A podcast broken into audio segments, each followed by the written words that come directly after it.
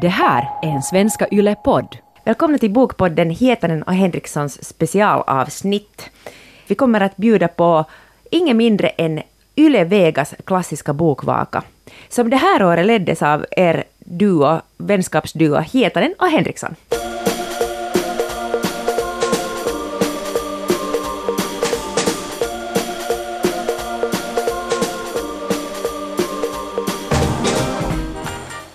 Hej och eh, hjärtligt välkomna till Yle Vegas bokvaka.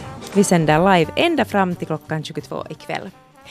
Och i år är det vi, det vill säga Bokpodden Hietanen och Henriksson, alltså du, Anne Hietanen, och jag, Ida Henriksson, som har fått den stora äran att vara värdinnor för Yle Vegas legendariska bokvaka.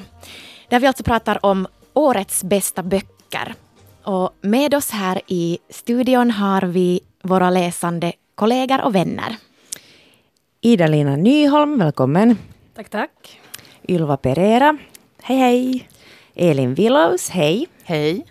Anna Dönsberg, Hej, hej. god kväll. Marit Lindqvist Hallå, hallå. och Kia Svetihin. Hallå, hallå. Och med oss har vi också vår producent Staffan von Martens, men han bakar pepparkakor som bäst och håller på lite med glöggen. Så han kommer kanske inte att höras så väldigt mycket. Mm, men han är med ändå. Och ni där hemma är också med på ett hörn eftersom ni har fått rösta på er egen favoritbok i år eh, på svenska.yle.fi. Och senare här under kvällen kommer vi att avslöja publikens eller lyssnarnas favoriter. Och vi kommer nu att börja diskutera de så kallade Äh, lättare, nej det är fel, men jag säger det, lättare kategorierna och så landar vi senare kanske i de lite tyngre, lite som på Oscarsgalan. Och nu kommer här redan det första arga samtalet in, hör jag. Att varför ska alltid barnböcker behandlas så styvmoderligt? Men nej, det är inte sant. Tvärtom tänker vi börja med barnböcker för att ge dem extra mycket utrymme. Första kategorin alltså barn och ungdomsböcker. Och vi börjar med dig, Ylva Pereira. Du har läst Älgflickan av Malin Klingenberg. Ja, och det var för mig ganska självklart när jag skulle få välja någon ungdoms eller barnbok från i år att jag måste tala om den här. För att det här är en bok som jag önskar att skulle ha funnits när jag själv var tonåring. Jag var ganska osäker tonåring och jag tycker att jag tillbringar allt för mycket tid av att läsa om andra osäkra tonåringar när jag själv var ung. Och den här boken handlar om, har en jättefin huvudperson, det är en Johanna som har börjat sjuan och man skulle kunna tro att det är en sån sorglig historia för att hennes bästis har börjat hänga med de coola flickorna och hon är ensam, men hon bryr sig inte alls om det. Hon är bara sådär att okej, okay, jag trivs med mig själv, jag tänker göra vad jag vill. Och det hon då gör är att hon hänger i skogen och blir kompis med en älg. Det är kanske så här synopsis av den boken. Vi är ganska många som har läst den. Mm. Jag, har en, jag har en sjundeklassare där hemma, en Simon. Och, och han, jag tänkte att hur, hur många han tar det här nu, därför att en så där tuff flicka som den där Johanna är, så det är kanske inte så lätt för en, för en 13-årig kille. För som du sa, hon bryr sig inte ett dugg om att hennes bästa väninna har flytit i bättre kretsar så att säga. Utan tvärtom, hon håller sig kvar i den koja. De har ty- gemensamt en jättefin koja. Och, och där håller hon till och beslutar sig att, för att bli en sån där utomhusflicka. Så att jag, jag, den, är nog, den är nog en riktig flickbok och den, har, den ser ju dessutom ut som en flickbok. Den ser jättetrevlig och lite gammaldags ut. Men vad sa din kille? No, han är nog inte en så hemskt häftig läsare så han kommenterar inte så mycket. Men, jag, men han kämpar nu på med den. Men att, han var nog lite sådär att hon är nog jättetuff. Jag har aldrig sett en älg och så här. Men jag har hört om pojkar som har tyckt väldigt mycket om det också, så att jag tror att den kan gå hem också. Jag tycker det som är kul med den att den liksom kombinerar Alltså den är dels en sån här om att gå sin egen väg, men här finns ändå liksom romantiska intriger och liksom det, det är mycket så här, vad ska jag säga, den, den, den går ändå inte... Den är en jätterolig kombo tycker jag av någonting som jag tycker om, eller som jag tyckte jättemycket om med ungdomsboken och någonting som jag tycker att jag inte har läst förut. Och jag tycker också att den är jättevacker. Det är som en hästbok bara att här är liksom en älg istället för en häst på den här pärmen. Jag älskar att vistas i den här kojan och det slog mig starkt att hur viktigt det skulle vara att alla människor skulle få ha en egen koja. Speciellt unga människor och kanske då symboliskt. Men en egen koja som är en frizon där du ingen kan göra någonting mot dig, utan du, du är helt fri där och du bestämmer. Och gärna har du lite sådär utsikt att du kan titta ner på skogen och se de andra vad de håller på med. Mm. Vilken symbolik. Jag tyckte jättemycket om just den där att försöka liksom ta, eller blev liksom kastad tillbaka till det där skedet när man håller på att äh, växa upp men man vill ännu hålla kvar vid den där barndomen och att få vara barn och den där leken och magins värld. Det var superfint. Ja, jag upplevde också helt samma sak och jag tror att jag har varit en sån där, ett sånt barn. Att jag, jag hade samma känsla som Ylva, att tänk om man ska fått läsa den här, mm. man var i den åldern. Och just den där känslan av att, att inte alls skämmas kanske för att man fortfarande vill leka, fast man, att hitta ett sätt att leka fastän man egentligen är för gammal kanske. Mm. Eller så här. I, för vilken ålder passar den här boken bäst? För mig passar det som 44, men jag kanske ändå inte primär målgrupp. Vad ska vi säga? Oj, no, den, hon, är, hon går ju på sjuan den här flickan som den handlar om, så jag skulle säga att kanske från slutet av lågstadiet ja, ja. framåt. Absolut. Och sen he, hela vägen upp i pensionärsåldern. Malin Klingenberg, Älgflickan och kolla på svenskayle.fi. Där har vi en läslista på alla böcker som vi kommer att prata idag för att det kommer att bli ganska många titlar. Nu går vi över till en, en bok för kanske de som är lite mindre. Jag har en ett och ett halvt åring hemma och hans favorit för tillfället är den magiska djuraffären Brunos bus av Linn Hallberg och Jonna Björnstjärna. Uh, eh, det handlar om uh, Bruno som helst vill spela datorspel fast hans mamma tycker att han borde gå ut och leka i lekparken och det tycker han är lite tråkigt men sen hittar han ändå nya vänner och kommer till den magiska djuraffären där det finns ett djur för varje barn. Um, och det här är liksom en härlig sån här blandning av magi men ändå hög igenkänning. Och, och mitt barn älskar att vara i den här färggranna världen. Det som jag tycker att är bäst är att både mamman och pojken har rosa hår och pojken har ett litet fjäderörhänge. Ja, min tvååring blev också helt superkär i den direkt och sa hela tiden mamma läsa boken, läsa igen, läsa igen. Jag vet inte ens exakt vad det är med den eh, som gör att den funkar så bra. Kanske är det den där roliga apan. Mm, eh, som visar tungan. Som visar tungan och kanske att de, alla de där figurerna är så där ganska lätta att känna igen på något sätt.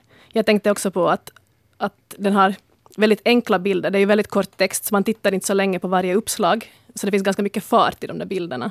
Och det tror jag kanske att han, han uppskattar eh, på något sätt. Sant. Den här ingår i en serie uh, andra böcker som också utspelar sig i den magiska djuraffären. Och, och de är alla sådana här uh, lättlästa böcker. Vad säger du, Ida-Lina Nyholm, om den här stilen? Jo, jag funderar lite på det. Uh, jag har jobbat ganska mycket med sån här uh, nybörjarläsning, eller med sådana som precis lär sig läsa. Och, och satt mig in ganska mycket i den. Den har dessutom titeln Extra lätt att läsa. Den är skriven med versaler eh, max, inte ens kanske två meningar per, per sida, utan en sida. Väldigt, väldigt korta grejen. Men det som lite förvånar mig var att där finns ganska mycket sådana här icke-ljudenliga ord. Uh, alltså ord som stavas på ett annat sätt än man läser dem. Och det brukar man undvika i lättläst text. Uh, eh, så jag blev lite nyfiken på hur de har tänkt där och försökte kolla upp att om jag ska hitta någon slags recensioner på det här, men jag hittade ingenting. Så det var en sak som jag faktiskt reagerade på, att, att om man är en svag läsare så kan det ändå vara ganska svårt att läsa den. Just det, så den kanske inte ändå är så superlättläst. Nej, jag tänker att den, jag, jag sa att rekommendationen är 58 år. Jag kan tänka mig att en, en 5, 6, 7-åring som, som knäcker läskoden och fattar det för en sån person. Men ifall man har liksom några svårigheter så kanske den ändå inte, åtminstone inte extra lätt att läsa. Mm. Ida-Lina, du har en bok framför dig som det måste ju vara extra lätt att läsa. Jag, jag tycker mina expertögon säger det. Va, vad har du? No, ja, det här är en annan Bruno. Då. Det råkar handla om en Bruno också.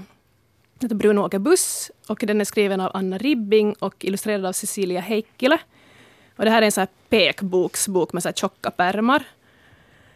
Uh, som då med min, min tvåårings favoritbok, eller var det åtminstone här på hösten när han var ännu lite yngre. Eh, den, är, den handlar om Bruno som ska åka buss med sin pappa till farmor och farfar. Och Bruno funderar lite på när han ska få plinga. Det handlar egentligen om det, att när får man plinga på knappen i bussen. Och eh, den är, den är jättefin, den har mycket så upprepningar som är bra för den här åldern. Eh, och man funderar då att får jag plinga nu? Snart får du plinga och så här. Mm. Och eh, jag tänkte ganska mycket på att för just den här åldern, vad ska vi säga, ett, tvååringar, så ganska många böcker handlar om så här bondgården och eh, sådana sådana teman som för, mi, för min uh, unge som är uppvuxen liksom, på Robban, så är det ju inte en speciellt sådär... Det finns så mycket igenkänning. Och så tänkte jag att det är fint med en sån här urban pekbok, där man åker buss. Det är aktuellt för honom. Ja, verkligen. För stadsbarn. Mm. Jag har en viktig fråga och jag är rädd om det här nu spoilar för någon, men jag måste få veta. Får han plinga? Han får plinga. Yes. Och no, då behöver också, man inte läsa den boken. Man får, också i slutet veta, man får också i slutet veta att han kommer att få plinga igen när de åker hem.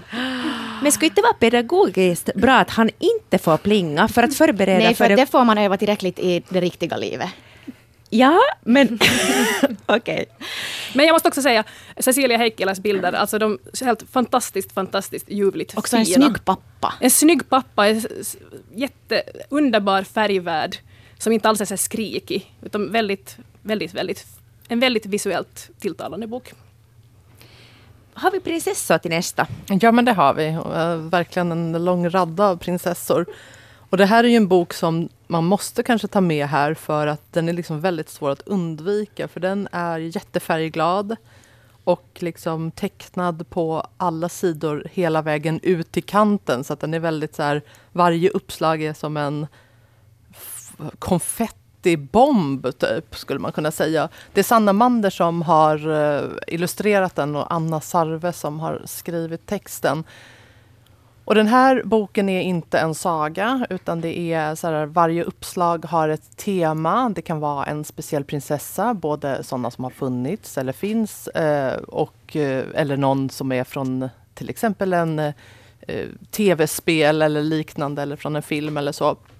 Men sen kan det också vara eh, vad prinsessor äter och sånt där på olika uppslag.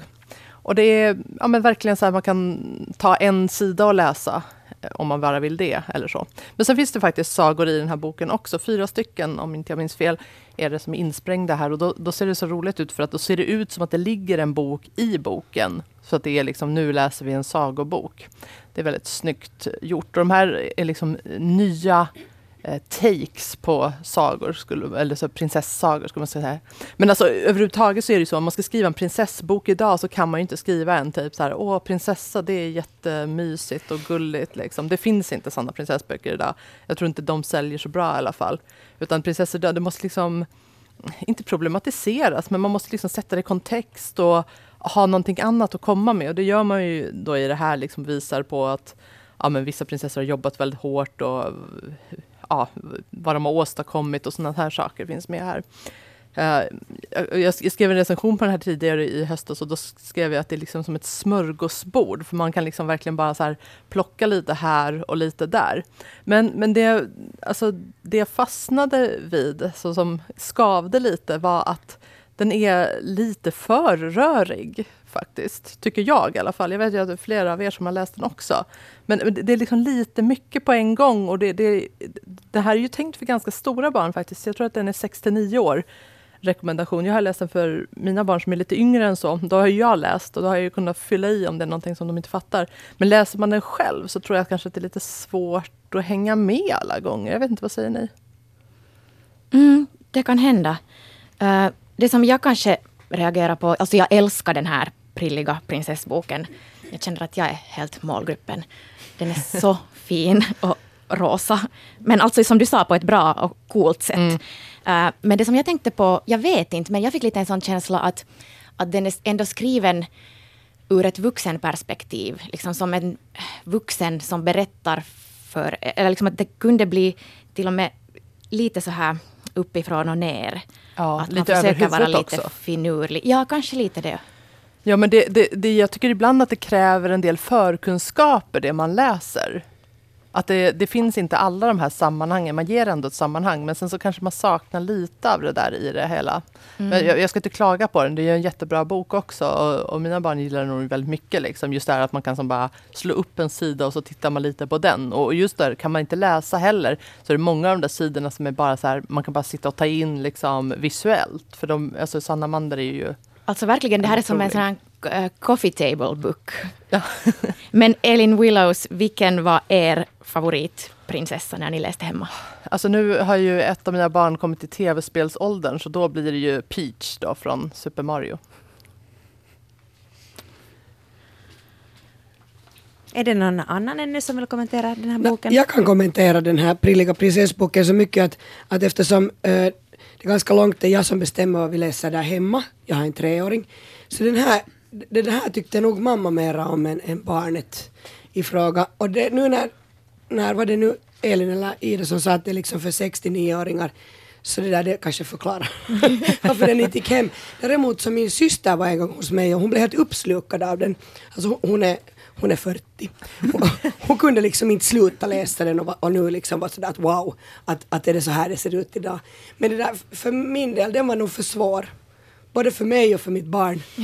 Mm. Nej, men den är, den är lite svår. Och sen, sen är det ju de där sagorna också då, som, som är ju liksom lite lustiga eller vad man ska säga. Och de har ju också så här, men det finns ju vinkar till vuxna i de här sagorna också. Men ja, så är det ju ofta förstås i barnböcker. Ska vi gå vidare? Det kan vi göra. Ylva, du har en till barnbok. Ja, det har jag. Det här är Linda Bondestam. Hon är ju känd som illustratör, väldigt känd till och med och prisbelönt sedan tidigare. Men hon har nu debuterat som författare till liksom både text och bild uh, i samma bok. Och det är en bok som heter Godnatt på jorden. Och den är en bok som är väldigt, är en liten bok med uh, lite text på varje sida uh, och extremt ljuvliga uppslag, tycker jag. Alltså jag älskar hennes, hennes stil. Jag har ju inga barn, så nu talar jag verkligen bara som den jag är. Uh, och uh, den går ut på att en massa djur på jorden går och lägger sig. Man får följa med läggdagsritualer. Och det är några aliens på en planet som tittar ner på jorden uh, med ett teleskop. Och jag blev jättefascinerad. Alltså det är något så här väldigt både nyfiket och tryggt tycker jag i den här boken. Den är liksom den, att gå och lägga sig, det, som, det kan alla relatera till. Men när man ser vilka djur hon väljer att lyfta upp, och den, den är ganska busig, jag menar vissa djur sover inte alls och andra sover på dagen och, och så här. Så den är liksom, den är både sådär på något vis trygg och, och lite äventyrlig. Och sen har hon jobbat ganska äh, mycket också så här taktilt med de här sidorna. De, de är olika långa, de här sidorna i boken, vilket gör att det blir lite sån här, no, jag tänkte ganska mycket på Tove Janssons den här hur gick det sen, är det väl, som där man, det finns hål som man går igenom. Här är inte lika avancerat som där, men det, det blir liksom vissa effekter när man svänger de här lite kortare sidorna. De här sidorna blir som tecken som man lägger över de här karaktärerna. Och den tycker jag nog är jätte... Den är som en liten meditation nästan, att ta till sig. Sen är den lite så här finurlig, eh, uh, sådär, att det till exempel är pappan som somnar istället för barnet och sådana Mm. på det sättet klassiska godnattgrejer men som alltid är roliga. Att det kommer som en liten överraskning att sen så somnar pappa medan han håller på att natta barnen och, och sånt som nu alltid går hem. Men är det riktiga djur eller både och? Det är faktiskt, jag trodde det var både och, för här var djur jag aldrig hade hört om. Och sen googlade jag dem och så fanns de på riktigt. Det är riktiga men väldigt exotiska djur. nog. Till exempel axolotlen. Alltså jag visste inte, jag var så här att okej, det här är något påhittat, men det, den finns på riktigt. Jag kollar sen upp det. Så, för att hon har ju tidigare gjort böcker om djur som inte finns på riktigt, men de här, de här var nu riktiga djur och riktiga aliens. Sen finns det ett roligt uppslag eh, där människofamiljen går och lägger sig. Och där kan vi se sen på golvet att, att många av de här djuren, liksom, eller de nämns här, så man kanske kan läsa in lite att det kanske egentligen är en godnattsaga för ett barn som går och lägger sig. Att på något sätt, alla de här sakerna. Ja, och så finns det ett uppslag när hela familjen ligger och sover. Pappa på ena sidan, mamma på ena sidan. Ja, eller faktiskt den enda som sover är det här lilla barnet som har både fot och hand på mamma och fot och hand på pappa. Så att man förstår att de här föräldrarna kommer nog inte att somna på en stund. Ja, och alltså den här humorn.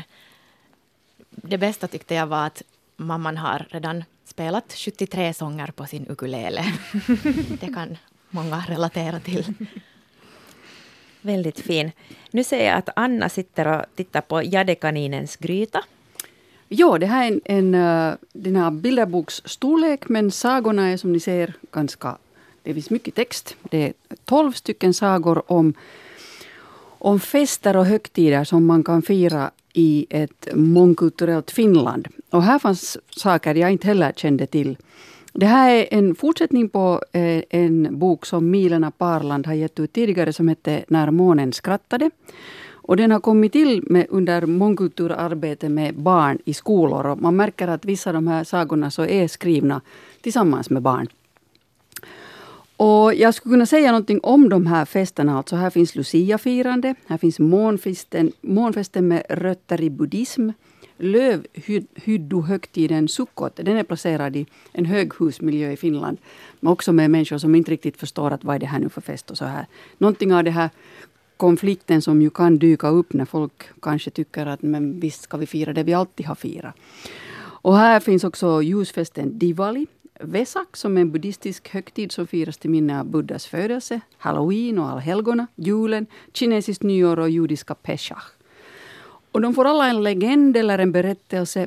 Och, och, och det jag kanske saknar i den här boken är det att man måste gå in på på festkalendern.fi för att få veta när de firas och varför de firas. Liksom den här, den här traditionella bakgrunden. Att de här sagorna står skilt för sig till illustrationer av Peik Bäckström. Så jag tycker att de kunde egentligen ha gett även den som så att säga läser de här sagorna lite mera information om varför, varför de här barnen och varför de här gudarna och varför de här legenderna. Men, men annars tycker jag att, att själva idén är alldeles strålande faktiskt. Är den rolig också eller är den mest bara till för att utbilda eller kittla den där utbildningsnerven? Nej, den är nog rolig också eftersom den ju, jag menar vissa legender här och sagor är alldeles hejdlösa. Så jag kan just tänka mig när en grupp barn har liksom fyllt på det ena gruvliga äventyret efter det andra. Medan andra då håller sig mera så här liksom i, i en, den lilla sagans form så att säga. Milena Parland, Jadekaninens gryta som Anna Dönsberg hade läst. Och Kies Vetihin, du har på sistone blivit helt galet besatt av dinosaurier. Så är det. Um, jag håller dessutom nu i min hand en, en jättefärgglad bok måste jag säga. Att jag blir glad bara av att titta på den. Uh, Dino Deluxe av uh, Sarah Shepard. Um, ehm, den har skrivits, uh, det är liksom en ny en, en, med lite mera och lite mycket, mycket, mycket mera info än den förra. Så jag vet att Anna Dönsberg, du har antagligen läst när ditt barn var oh ja, tre år gammal vi var, vi var om dinosaurier.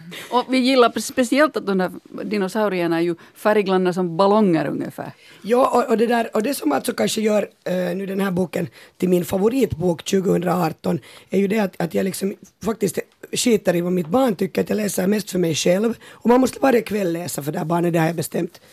Och där, då har jag tänkt att de där böckerna måste intressera mig jättemycket så att jag orkar läsa. Jag älskar, sa du faktiskt att du skiter i vad ditt barn tycker. Ja, men därför det, jag, jag, det där måste läsa så länge för han har så sömnproblem och somnar inte. Så jag måste läsa alltid en timme varje kväll. Så nu har det blivit jätteviktigt för mig att jag tycker om de här böckerna.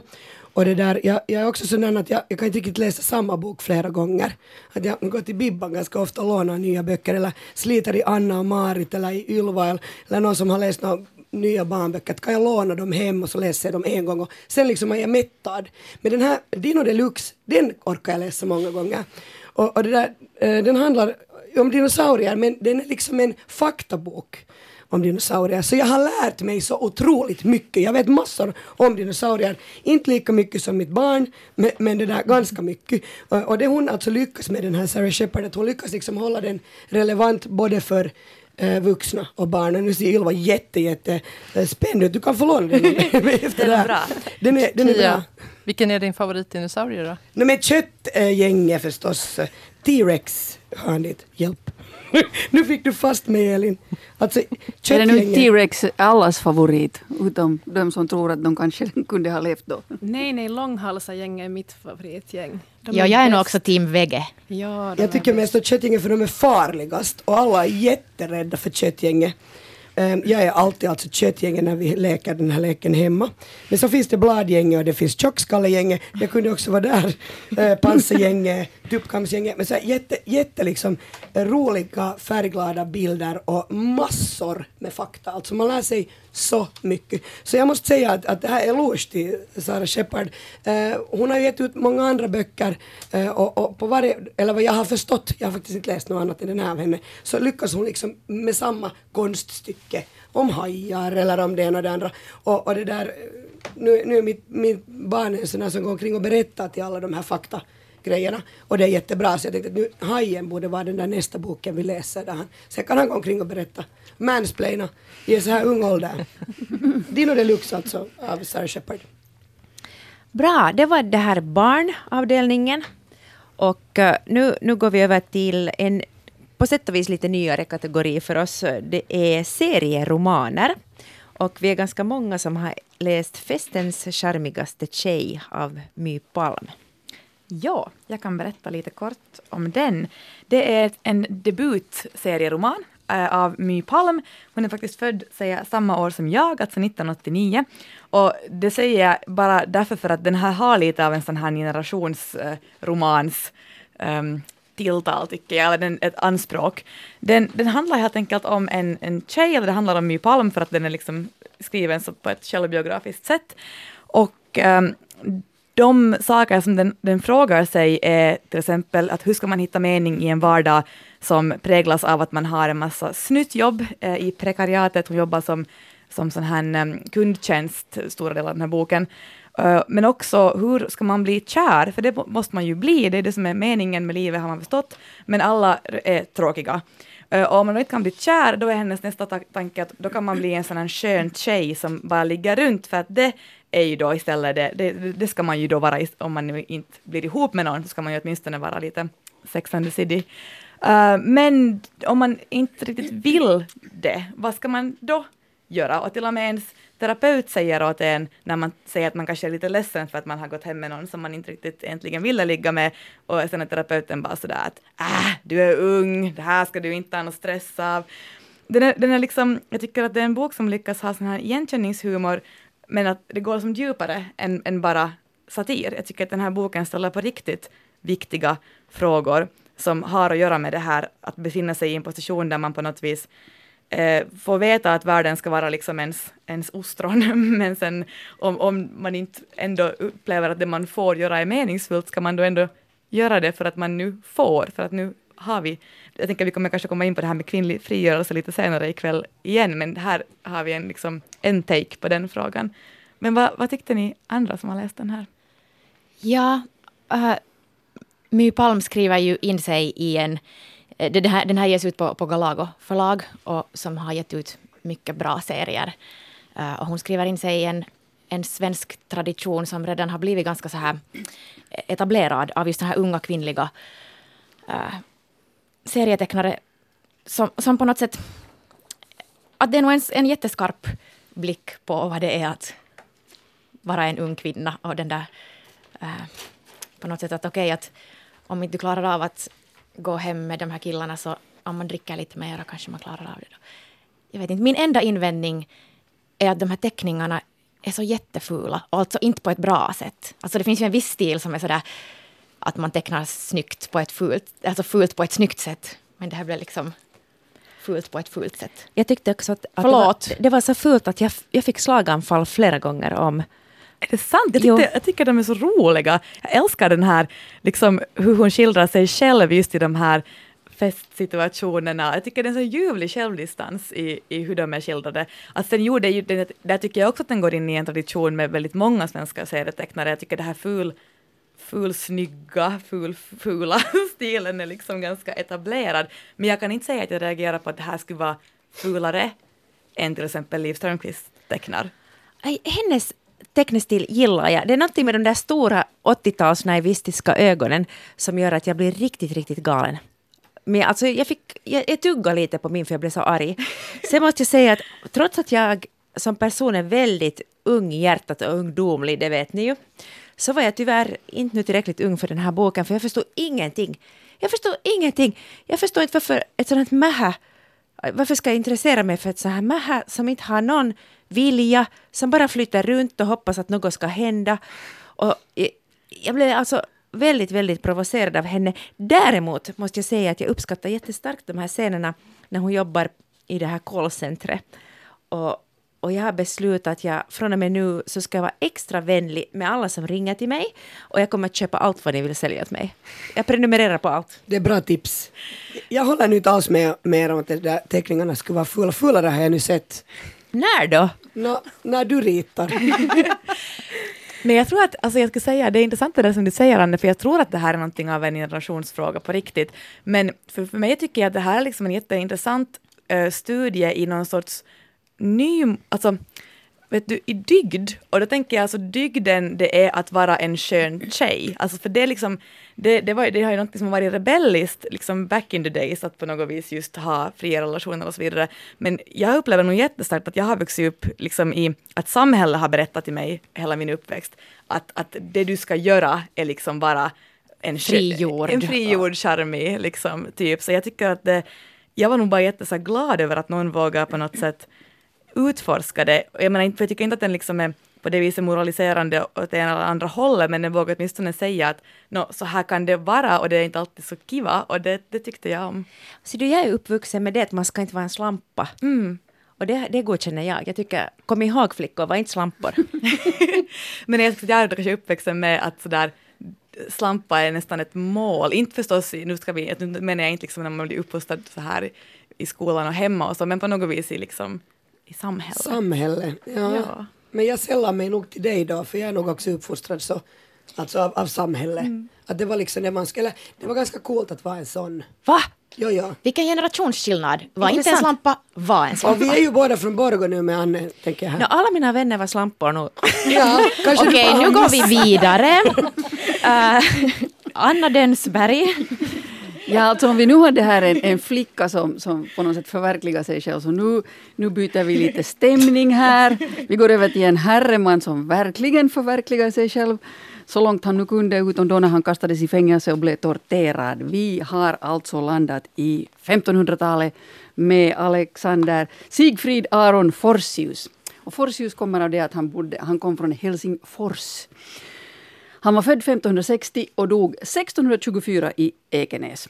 Och, och, och, den här boken är på finska, men tack vare det här med Ekenäs så tyckte vi ändå kunde ta med det. Och, och Marit och jag har varma känslor för Juha Hurme som vann Finlandiapriset i fjol och fick hela äh, nationalteatern att hurra när han sa opetelkaa ruotsia. Så trots att den här nu är på finska och det är en del av hans förra, förra årets bok Niemi så, så tog jag med den i alla fall. Och det här är alltså då ett universalgeni som, eh, får, som funderar på hur världen är uppbyggd. Och det här är då tiden före, före egentliga riktiga observationsinstrument. Så han brukar ligga på rygg och titta på himlen och försöka utläsa Guds system över det hela. Och han är tecknad av Kati Rapia som en man som har, vars hår är som en komet. Alltså det, är det, det är gult och allt annat är liksom mörkt och, och grått och, och blått, ganska en, enfärgat resten. Men, men han är då den sprakande filuren där. Och, och jag får veta en massa. Alltså för att för Forsius fungerade då på en tid där kloka män kunde fundera fram sig till en sanning om hur universum och him, himlavalvet är konstruerat. Och han var influerad av Paracelsius som var en schweizisk läkare, alkemist, naturfilosof och mystiker som menade att all materia var uppbyggd av de tre principerna svavel, kvicksilver och salt. Och han såg då naturen som en gudomlig helhet med människan i centrum, men i intimt samspel med universum. Alltså det som hände i stjärnorna, så det händer också här nere på jorden. Och om man har en sån attityd så är precis allt som kommer emot intressant. Så, så de här Forsius åker med, med två herrar upp till, till Ultima Thule som man trodde var då slutet på världen där uppe någonstans vid Spetsbergen. Och, och så åker de tillbaka och deras uppgift är liksom att, att eh, för Karl den nionde eh, försöka sätta någon gräns för det svenska riket och, och, och, och, och liksom för att han ska kunna, kungen ska kunna få in skatt av samerna. Men det går ju inte, i den här versionen så går det inte alls så bra. I verkligheten, jag har googlat, så gjorde han mycket akurata uh, eh, vad heter det, anteckningar och mätningar. Men i den här boken så tappar han alla sina anteckningar och är rädd att kungen ska ta livet av honom. Jag vänder mig nu här till dig Marit, för du har också tittat lite i den här. Ja, jag måste ta mikrofonen av dig Anna. Här. Ja, nu, jag, tyck, alltså, jag, jag måste säga att ja, man får en jättemycket information, men å andra sidan så är det kanske lite... Alltså jag borde ha vetat någonting innan jag började läsa den här boken känner jag. För att jag, det, man hamnar så mitt i allting. Och vem är det här och vad är det för tid och vad gör han och vem är de här kungens män och, och vilka är de här kvinnorna som dyker upp där och så vidare. Så att för mig blev den ganska lös i kanterna. Den stora behållningen var kanske just Juha Hurmes fantastiska språk. För den är ju liksom inskriven med 1500-tals finska. Bara lite ibland som sådana markörer. Men, men det är ju nog dagens språk som han använder sig av och en väldigt frejdig humor. Och sen bilderna är ju ganska spännande. Jag tyckte först att den här huvudpersonen Forsius såg ut som en jultomte. Mm, med sin komet som, som en tomteluva efter sig hela vägen. Jag har en fråga gällande de här serieromanerna. Jag hatar serier. Hur ska man göra då om man ändå borde, man ändå borde ta itu med några sådana här böcker? Alltså, jag märker i, i podd, er bokpodd, heter den Henriksson, så har ni pratat ganska mycket om sådana här serieböcker och, och jag märker att, att liksom alla coola människor de läser sådana här serieböcker. Jag kan inte, jag fattar inte, alltså, vad är det man... Vad, när, när jag tittar den där, nu när Anna du viftar där med den där, så jag riktigt somnar när jag tittar på det där. Jo, men inte måste man, ser du. Allt det här har, har Juha Hurme redan skrivit på sex sidor i sin roman. jag, jag, tar den, jag tar den vägen. Det är ungefär alltså, är det den texten. fel? Alltså, jag menar, finns det människor som är indelade så att ena tycker om sånt här och andra, eller har jag bara fel i huvudet? Det är en retorisk fråga. Nej, men alltså, varför, är det, tycker ni alla om Fast det serieromaner? beror ju helt på vilken sorts serieroman det är, alltså hur den är gjord, om det funkar det här samspelet mellan text och bild. Men jag menar, jag tycker ju att den här som jag just talade om, att den till exempel funkar. Men det jag kan tycka att väldigt texttunga, den där läste jag också lite i. Och jag tyckte att den var kanske i perioder liksom lite för mycket text för mig. Nu när, nu när du bläddrar tycker jag att jag inte förstår varför jag tyckte det, för att nu är det mycket bilder. Nej, men det, det, finns nog, det finns nog bubblor som är helt fulla av text för att den här Hurmes text, det är ju därifrån det hela Ja, börjar så att säga. Precis. Att jag antar att Kati Rapia har blivit förtjust i den här gubben och, och sen byggt på berättelsen och tagit också in hans hustru som på ett lite sådär roligt feministiskt vis. Men det stör mig liksom lite den här Kellerman, eh, Martin Kellerman. Så det där har jag alltid sagt att jag tycker om. Men jag har ju förstås aldrig läst eh, liksom hans Rocky. För jag, jag tycker det är så vidrigt. Men däremot älskar jag hans första, eller är det kanske hans enda bok? Eh, alltså roman, helt skriven. Inga, ja, inga bilder. någonting faller sönder. Ja, det är ljuvlig. Den, pa, den passar utmärkt åt mig. Men så har jag flera gånger tänkt att nu borde jag ta, ta, ta tag i Siv eh, Strömqvist, Liv Strömqvist, ta tag i alla de här. Det går inte. Men det är ju en helt annan typ av läsande. Jag tänker att man måste gå in i det på ett helt annat sätt. Att du kanske inte ska tänka att det är en roman och en text som du ska läsa Ja. så. För att det är ju ett, en annan upplevelse att, att läsa någonting där du själv skapar alla dina bilder. Att här, här får du det liksom serverat till dig och då måste du som tänka det som en del av, av texten. Och som, och om, om inte man är en visuell läsare så kanske det inte är ens grej. Det där ska jag börja upprepa. Jag är ska ingen visuell läsare. Nej, inte jag heller. Men det finns nog vissa serieromaner som griper mig något alldeles otroligt. Vi har många kategorier som vi kommer gå igenom ännu ikväll. Uh, finlandssvenska böcker, deckare, viktiga läsupplevelser. Och eh, kom ihåg att du kan hitta vår läslista på svenskayle.fi. Det här är alltså Yle Vega Bokvakan.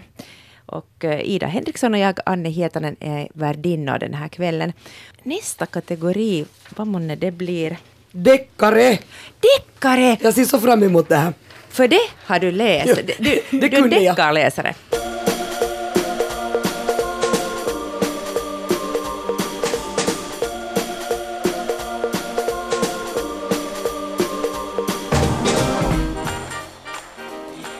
Hej och välkommen tillbaka till Yle Vegas julbokvaka.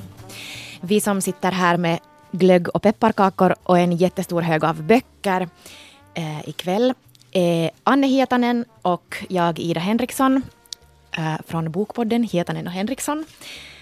Eh, och med oss har vi våra bokälskande vänner Ida-Lina Nyholm, Ylva Pereira, Elin Willows, Anna Dönsberg och Marit Lindqvist och Kia Svetihin. Ja, vi talade här tidigare innan nyheterna om barn och ungdomslitteratur och serieromaner. Och nu ska vi gå över till något helt annat, nämligen genren deckare. Och vi börjar med en deckare som både är en populär tv-serie och en roman. Ja, nu är vi nog långt från barnkammaren. Vi har kommit till Berlin, till Babylon Berlin. Och jag har en tjock deckare här, över 500 sidor. Eh, Babylon Berlin, den våta, fi, den, den våta fisken. Det här är alltså första delen i en romansvit av Folker Kutscher. Och tyskar känner till de här. Det har kommit sju stycken. Och de, de utspelar sig mellan 1929 och de ska gå, det ska bli tio har jag förstått, så det ska gå ända fram till 1938. Och det är då en, en historisk deckare som avbildar Tysklands mörka år före och efter nazisternas maktövertagande 1933. Och orsaken till att jag hittade den här boken är ju förstås den här TV-serien som faktiskt nu finns ute. Det är riktigt Yles redan i höstas julklapp till alla tittare. Alla 16 delar finns där och den är otroligt välgjord. För manus och regi står trion Tom Tykver, Akim von Borris och Henk Handelokten. Och det finns en dokumentär om hur de gör det här också. Det är jätteintressant att se hur de har byggt upp en hel stad och, och de här människorna som gör musiken till det här, hur de har jobbat. Och, och sen är jag förstås lite förtjust i Folker Bruch som spelar Gereon Rath som är då huvudpersonen i det här. Han är alltså med i, i varje avsnitt nästan hela tiden. Det är som om allting skulle så att säga cirkla runt honom. Och han är då en kriminalinspektör som i tv-serien är morfinist. Och där finns också en Charleston-dansande kontorsflicka som måste extra knäcka som sexarbetare. Där finns en vitrysk furstinna som smugglar ut guld ur Sovjetunionen och försöker dra nytta av sovjetiska agenter, stalinister och trotskister, ni, ni kanske minns. Sen finns här Reichwehr-officerare som planerar en statskupp. Och allt det här visar alltså på den där tiden som man sådär slarvigt liksom tänker som kabarettiden. Men egentligen så var det ju otroligt mycket maktspel och, och hela den här Weimarrepubliken bestod ju av 16 stater som alla drog åt varsitt håll, varav Preussen var det största. Och jag tycker att det är roligt att se någonting från den tiden, för vi har ju sett alltså filmer och, och dokumentärer från nazitiden så att man har det upp till ögonbrynen. Men det här är då innan nazisterna överhuvudtaget hade så att säga stigit fram från kulisserna. Det, det, det flimrar förbi några sådana svastikor på armbindlarna men det är allt.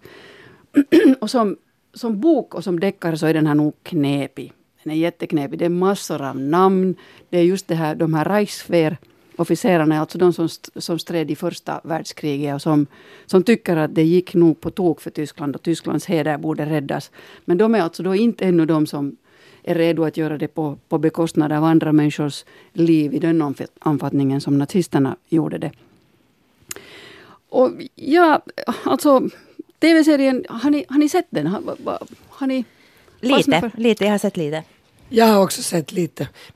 Med risk för att igen vara jättenegativ måste jag säga att jag inte alls orkar med den där tv-serien. Men jag vet att många älskar den. Den är ju superhyllad. Ja. Mm. Därför, jag, det är inte därför jag inte tycker om den. Jag tyckte faktiskt att den var bara helt supertråkig och jag tyckte inte om stilen. Men jag, jag är inte helt ensam i att inte tycka om den men då, liksom 99% älskar den här serien. Men jag förstår inte vad är det som är så där hemskt alltså tv-serien då? Vad är det som är så fantastiskt? Jag tycker att den är så bra därför att, att de har tagit in det här. Alltså i den här boken så är den här Gereon Rath en, en mycket saklig, alltså det här är en hårdkokt deckare. Han finner sig och måste han nu ta livet av någon så tar han livet av den och doppar den, begraver den i våt betong och låtsas som att ja nu borde vi utreda det här mordet, vem månne har gjort det där? Men i den här tv-serien så, så har han liksom, eh, så han, som man säger, shellshocked alltså. Att han är morfinist, han får, han får såna flashbacks. Och, och den är mycket, den här, jag gillar det här liksom underliga psykologiska skruvade som gör att de ju inte alls har ett narrativ som går från A till B utan det är liksom A, K, Z, F, L, T. Tills sen sista när vissa bitar faller till rätta. Men, men, men kräver det mer, liksom, mera tittningar än, än, att jag då har tittat 20 minuter första delen? Alltså borde jag ge den tre avsnitt? Jag tycker nog det. Ja. Tredje avsnittet är redan lugnare. Då, då har de en sån där härlig dag vid Vanse. Så att det är inte alltid hela tiden tyky, tykitysta som finnen säger. Så, så menar du alltså Anna att för en gång skulle det så att TV-serien är bättre än boken? Ja, det, det menar jag helt tveklöst faktiskt. Jag skulle inte har kommit igenom den här deckaren utan den här tv-serien. Men tack vare den här deckaren så, så, så tyckte jag att det här var en bra bok. Och jag kan förstå att tyskarna alltså kan hänvisa till den liksom så här att folk har läst den. Men alltså finns det sju stycken böcker som är sådär tjocka? Jag tror för, det. Jag har inte sett de andra. Det är inte en samlingsvolym, för det är ju verkligen tjock. Alltså. Jo, jo. Nej, nej, och alltså, svårläst. Ola Wallin har gjort ett styvt jobb när han översätter 20-tals tyska till svenska. Så det blir sådana ord som karlslok och sånt här. Lite sådär. Men alla måste se tv-serien, om inte för annat att den är så otroligt välgjord. Man ser att den har kostat väldigt mycket och estetiken är så top notch. Vart, varenda en, alltså varenda en text, all, allt det där jobbet att skapa det här 20-talsvärlden på nytt. Alltså man sitter, man, jag satt med mun upp. Ja, nå- någonting så här påkostat har vi inte sett på länge. Och jag tycker det är ljuvligt att de pratar tyska. Men Tyckte du Anna att den var bra då? Du som tittar på mycket tv-serier. Jag har inte sett till, tillräckligt och nu måste jag ju erkänna då att ibland så tittar jag på sån här Desperate how, Real Life Housewives. Och, och det är sånt som jag ibland måste titta på när jag behöver avkoppling. Som ni förstår då med den referensen så var det här lite för krävande. Ja, men de har snygga kläder. jag går hem nu. Men jag, men jag undrar också, jag har tänkt på det där, för att vi har ju blivit så vana nu vid att, vid att serveras tv-serier som är gjorda för just det här ganska lättillgängliga slukarformatet. Nu har jag inte ännu tyvärr själv hunnit bekanta mig med den här, men jag, jag kan bara tänka mig att det kan kräva lite träning av en Netflix-slötittare, att man är liksom sådär van vid att titta på de här olika streamingtjänsterna. Jo, jo den, gör sig inte, den gör inte sig till för dig, utan du måste komma ihåg att den där personen som du såg för två avsnitt, han kan nu plötsligt dyka upp där. Och väntas, nu var det inte så att han var död då, nej han tycks ha klarat sig. Och sådana här hopp alltså. Oj herregud, det låter så tungt det där. Det är som Ja. att, att, att jobba när Nej, man ska inte, inte, koppla inte det av. så jobbigt, men jag försökte gå ut med hunden och, och äta muffins och, Samtidigt. och ringa till dig. Alltså Nej, samtidigt, nej, och det nej. går inte. nu flickor, nu är det dags att koncentrera sig. Lugn, och sen ska jag säga en sak. Eh, Den heter alltså Den våta fisken. Och vet ni vad de våta fiskarna är? Nå, kan man se den här tiden på dygnet? Vissa ungdomar är nu vakna. Nej, det är olösta mord. Alltså, Aha, ja, att det var det den, den och den kroppen får läggas till de våta fiskarna. Nej, Men det var just det jag menade. Jo. Ah, Just det. Nej, men Tack för det. Eh, jag skulle vilja berätta om Mattias Edvardssons deckare En helt vanlig familj. Och det här är precis som hans föregående bok, en deckare slash roman. Egentligen så behöver du inte läsa det som en deckare om inte du vill. Eh, jag blev förtjust i Mattias Edvardsson med en bok som hette En nästan sann historia som kom 2016 och den handlar om en skrivarutbildning på Lunds universitet. Och där ställde man sig frågan vad är viktigare, att berätta en sann historia eller en bra historia? Och jag blev överförtjust i den här berättarstilen och började läsa då en helt vanlig familj som handlar om en familj, och det vet vi ju alla att ingen familj är vanlig egentligen. Och i huvudrollen har vi prästen Adam. Det är hemskt viktigt att han är präst. Och sen har vi en mamma som är jurist, Ulrika, och en dotter som heter Stella. Och allt är helt bra, förutom det att Stella blir anklagad för mord ganska snabbt i boken. Och här kommer det här psykologiska väldigt intressanta. Du, du vet ditt barn, du älskar ditt barn, du vill göra vad som helst för ditt barn. Om ditt barn har mördat, tänker, tänker du tro på det? Eller tänker du försvara ditt barn? Eller vad om det har gjort det på riktigt? Skulle du, skulle du ljuga för ditt barn? Vad skulle du göra? Vad säger vår deckarexpert Kia Svetihin? Nå, ehm, jag skulle absolut 100%, 150-procentigt ljuga, givetvis. Nej, skulle du det? Absolut. Dumma du, man får inte ljuga. Det där, det där men nu, alltså därför att, därför att jag antagligen skulle tycka att det skulle vara viktigare än att sanning. Vem bryr sig om sanningen? Så svar på det där första boken han skrev, så det är givetvis så ska man aldrig hålla sig till sanningen, utan man ska ljuga för en bra historia. Det här är nu inte helt samma sak, men det absolut ska jag ju ljuga för att inte mitt barn ska hamna i fängelse. Ja. Alla gånger. Kanske också till och med någon av er här i det här rummet så skulle jag kunna ljuga för. Men om du ljuger dåligt så då ligger det honom i fatet. Eller sen är jag med där i fängelse sen efteråt. Men, det där, men, men jo, jag, jag, tycker att den har, den är, det är en helt vettig fråga. Alltså den här frågeställningen är jättebra i den här, i den här boken. Men det finns andra saker jag inte riktigt tycker att fungerar. Men ska jag säga dem nu? Du kan säga dem nu, alltså de är, det, är tre berättelser. Vi får första delen av pappans berättelse, sen kommer mammans och till slut dotterns. Och givetvis så är de inte helt, de berättar inte om samma verklighet. Och det här är sånt som kittlar mig något så otroligt, att i en familj, vilka kontrakt vi skriver, att vi bestämmer att de här sakerna pratar vi inte, vi vet det alla, men på något sätt så talar vi inte om det och så finns det inte. Och sen att hur olika vi ser på saker och ting. Jag tycker det är så spännande. Men Ida, du har ju läst den också. Skulle du, skulle du ljuga? Det visar sig att ditt barn har mördat. Hun- 100 procent. Alltså, jag skulle ljuga, ja, jag skulle säga vad som helst. Uh, jag tycker det är speciellt roligt att det är den här pappan som är präst och därför har den här författaren liksom skrivit in att, att han på något sätt ska anses vara extra moraliskt på något sätt högstående och det, det blir liksom ännu svårare för honom att ljuga PGA att han är präst. Det är lite roligt. Men när han är där i rätten är det ju sen nu kommer liksom prästen Adam in och så svär han vid Gud att han talar sanning. Ja. Det är, det är bra, det är bra del i den där boken. Det där, en, en gång i Borgå så ringde man hem till min mamma och sa att, att nu har er dotter stulit en porslinshäst från vår butik. Och min mamma sa genast att nej, det har hon inte gjort. Och det hade jag inte gjort. För att eh, porslinshäst... Eller hade du? Jag skulle aldrig ha tagit något så fult. Nåja, och jag hörde på när mamma tog det samtalet, hon sa att nej, min dotter har inte stulit, hon gör inte sånt. Och jag minns att jag redan då, jag var lågstadiet, så tänkte jag att hur kan mamma veta det? Alltså hur kan hon veta? Jag tyckte liksom att det var lite mystiskt att hon sa att jag inte hade gjort det. Och faktum är att jag har aldrig stulit, jag fick såna traumor, jag har aldrig stulit. Det stör mig lite ibland. Men att hon var så blåögd. Och det här... Eller skyddar hon dig? Nej men inte får man göra så!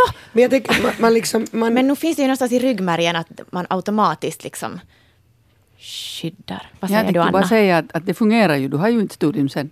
Kanske hon var manipulativ. Ja, men jag tycker alltså, det stör mig att... Det stör mig, men att hon var så blind.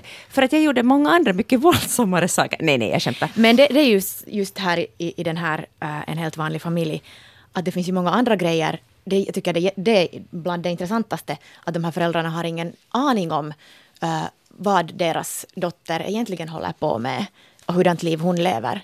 Och det, det liv uh, som hon visar hemma är någonting helt annat än hennes verklighet. Plus det pratas det är ganska, ju mycket Det är om liksom att, mer skrämmande än det där mordet tycker jag. Precis, och det pratas mycket om den där att ljuga och hon, hon är väl en fulländad lögnare. Alltså, hon är jättebra på att ljuga. Uh, vilket hon själv medger också. Liksom, hon kan ljuga om, om allting och, och sådär. Och hon, ljuger, hon ljuger ju också en hel del. Men kära föräldrar, alltid när det, föräldrar som säger att min son han dricker aldrig alkohol, så han tycker inte att det är intressant. Just den sonen dricker antagligen extra mycket alkohol. Det, det här var den enda deckaren jag har läst i år, för att jag tycker ju att jag är för fin för att läsa deckare.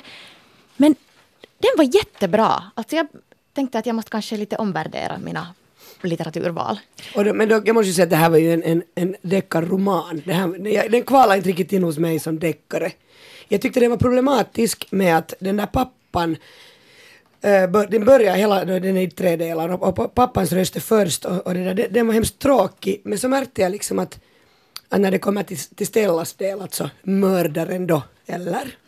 Så det där, då kunde han, mitt i allt kunde den här Edvardsson skriva jättebra. Att han, att han kunde skriva som en tonåring, eller hon är 19. Eh, och då liksom fick jag mer respekt för hur han hade beskrivit pappan, för tydligen var ju pappa just så tråkig som jag upplevde honom och så stiff liksom. Och, jag tyckte så om pappan. Aj, ser du? Jo! Jag, jag tyckte han faktiskt var ganska asig. Va? Ja, alltså jag tyckte det där i hela boken, det var något fel på honom hela tiden. Och, nåja, man kanske måste läsa den själv.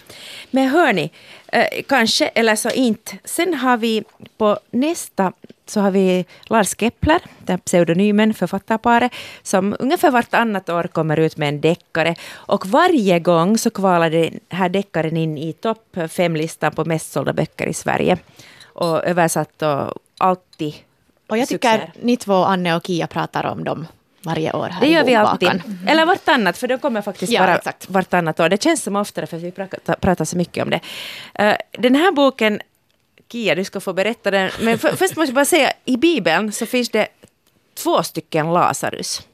Och jag vill att ni ska tänka på den Lazarus som man trodde var död. Han hade två syskon, systrar. Och de sa oj, oj, nu har han dött. Och han hade varit fyra år, fyra dagar död. Och då kom Jesus och, och väckte honom till liv. Tänk på den här Lazarus och inte den andra, den här fattiga. Maria var ju hans syster, kan man ju säga. Ja. ja. Uh, jag älskar Kepler. Uh, och jag vet att Marit har någon gång sagt, uh, alltså bakom Kepler, Kepler pseudonymen så står Alexandra Coelho Andoril och Alexander Andoril. Och Marit, du har någon gång sagt att det är så synd att de här börjar skriva deckare för att de är så bra författare. Ja, det tycker jag fortfarande, för jag saknar, i synnerhet saknar jag Alexandra mm, Coelho Andoril. hennes författarskap. För jag tycker hon skrev fantastiska romaner och jag tycker det är lite synd att hon inte också skulle hinna odla sitt författarskap vid sidan av det här Kepler. Jag kompar. Jag tänker ju sådär att, att, att om man skriver ändå, jag menar de är ju ändå två som skriver varannat år en deckare så kunde de ju skriva lite annat också, så att ni skulle vara nöjda. Um, Kepler är, är roman nummer sju i serien om, om Joona Linna. Han är en Sverigefinne. Uh, och det där, jag, jag, tycker faktiskt att deckare, jag älskar alltså deckare. Jag tycker om att läsa så att, att, att, att du, du kan läsa liksom deckare och så varvar du med, med svåra böcker.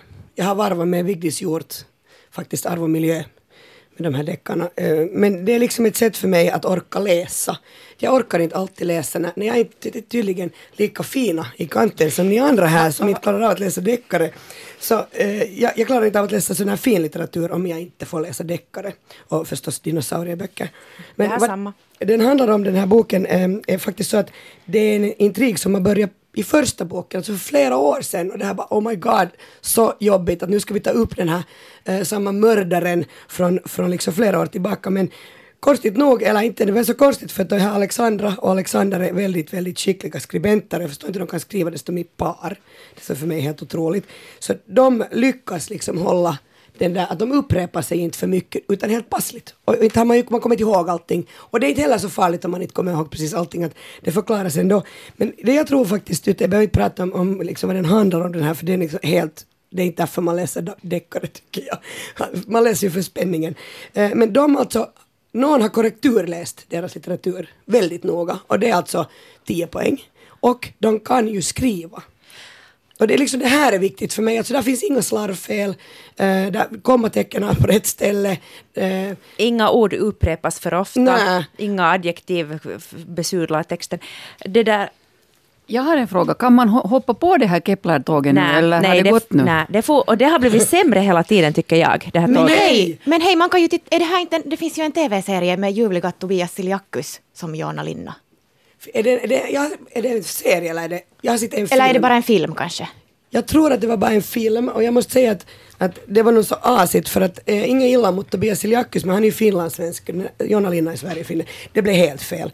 Eh, jag tyckte inte I rest my bra. case. Ja, Ja, men ja, alltså, ja. Får, jag, får jag säga en sak? Jag, jag, jag lyssnade på den där första boken. Eh, och där, för det första så läste ju den där eh, läsaren sa ju Jona Linna hela tiden, vilket ju störde mig så enormt. Men så sa de ju att han pratar finlandssvenska hela tiden. De säger ju det. Han, de säger att han är Sverigefinne. Nej, han är född i Sverige av finska föräldrar, men pratar finlandssvenska. Och jag störde mig så mycket på det. Du tycker att det var så bra korrekturläst, men jag störde mig på så mycket på det där. Har ingen kunnat säga till under tiden de har skrivit det här, att man kan inte födas i Sverige och prata finlandssvenska när man har finska föräldrar. Man alltså, jag borde- blev så alltså- arg så jag vägrar läsa det där. Elin, nu satt du dit mig. Alltså jag kan nog ta ett, ett, ett telefonsamtal till den här författarduon och berätta Ja, det. För Men det är de- faktiskt jättestörande. Alltså, när, det är ju ett faktafel då. Ja. Men de har korrigerat det i senare böcker. Aha. Men Elin, jag kom på dig för jag lyssnade på den här nyaste som ljudbok. Ah. Och där uttalar de det Jonna, Linna. Och det kommer ju ganska ofta. Och, Nej, det är så fel. så de hade inte korrektur lyssna på den här. Men det jag måste säga alltså faktiskt varför jag tycker att det här årets deckare 2018, eh, eh, det finns ingen Inget, ingen författare eller ingen har lyckats i varje fall skriva åt mig så att, att det, det är så, så tätt, det är så, det är så det är så mycket som händer, det är så att varje mening alltså är en, en nästan, det händer i varje mening någonting. Så det betyder liksom att du kan aldrig andas. Alltså när jag, jag läste den i ett streck, så jag hade med den liksom på vässan och alltså jag satt ganska ofta sådär På ja, vässan. med den där, på vässan, när treåringen eh, fick läsa eller titta på dinosaurier så att mamma får läsa. Ja. För det är liksom så jätte, det är så spännande man kan inte sluta liksom mitt i. Och så jag var helt slut när den var när den var då slut den här boken och liksom var riktigt så här andfådd. Eh, Men jag tyckte att det funkar. Men jag antar att man då också bryr sig om den här karaktären på något sätt. För eller, varför skulle man annars du, bli meddragen i spänningen? Är det liksom väl tecknade karaktärer också? Ja, jag tycker väl att Jonna Linna är ganska vältecknad, men han har ju varit med från början. Men nu lyckas de, alltså det jag tycker att de är jättebra på är också, eftersom de är ändå bra skribenter båda två, är att de lyckas beskriva de här sidokaraktärerna ganska intressant, och det har inte så stor skillnad, men, men det lämnas inte någonting åt slumpen. Så en sidokaraktär kan också mitt i allt få en massa färg och liv. Och jag tycker det, alltså det underhåller mig. Och jag tycker så här, man måste ha rätt inställning för att läsa sådana här böcker. Och vad är det för inställning? No, det är just den där att man bara lutar sig bakåt och så far man med och håret bara flyger. Får Men jag med. Man vill njuta av livet. Man vill vara lite onyttig. Man vill äta hamburgare. Och bara för att ni sa nu att ni inte läser något deckare så tänker jag ta ännu en favorit och jag är riktigt snabb nu. Eh, Camilla Grebe, eh, Dvalan, det, hennes nyaste deckare 2018. Eh, också kommit, alltså helt, helt faktiskt för några månader sedan eh, fick jag den i min hand. Hon skrev ju alltså Husdjuret som var väldigt prisbelönt förra året tror jag. Den tyckte jag ju nog förstås mer om men det fick ju inte vara böcker från, från, från åren tillbaka så jag, jag säger att Valan är, är helt okej. Den kommer nära Kepler liksom om man vill läsa en, en spännande bok Eh, svensk, alltså, jag tycker nog att svenska är jättebra på att skriva deckare, jag läser ganska mycket deckare av svenska författare. Dvalan handlar om pojkar, unga pojkar som försvinner och sen deras mammor eh, och, och, och som liksom letar efter dem, vill ha dem tillbaka och om sociala medier. Det kan bli lite sån där präktig ibland, men alltså jätteunderhållande också den. Jag måste då rekommendera de böcker hon skrev tillsammans med sin syster Åsa Träff, alltså Camilla Grebe och Åsa Träff. De skrev fem deckare tillsammans innan Grebe började skriva de här. Och jag älskar var och en av dem. De var kanske lite mildare, de var kanske mera urbana och uh, mera psykologiska. Jag tyckte inte alls om dem. Jag vet att Anne sa när jag hade läst den här Husdjuren, så var jag så jag måste få mera. Så sa Anne nu ska du ta den där systern, Träff och Grebe. Och det ville jag sen inte alls. Så de får, jag, jag har faktiskt lyssnat på alla. Riktigt shit tyckte jag inte om. Men Camilla Grebe är bra. Det här är Yle Vegas julbokvaka. Uh, nu ska vi börja prata om årets finlandssvenska romaner. Och, och i det här skedet eh, vill jag passa på att tacka Anna Dönsberg. Det, vi har lite olika människor som kom, kommer, går in och ut här ur studion. Uh, tack Anna som va, har varit med oss hittills, men, men vi andra fortsätter här ända fram till klockan tio ikväll.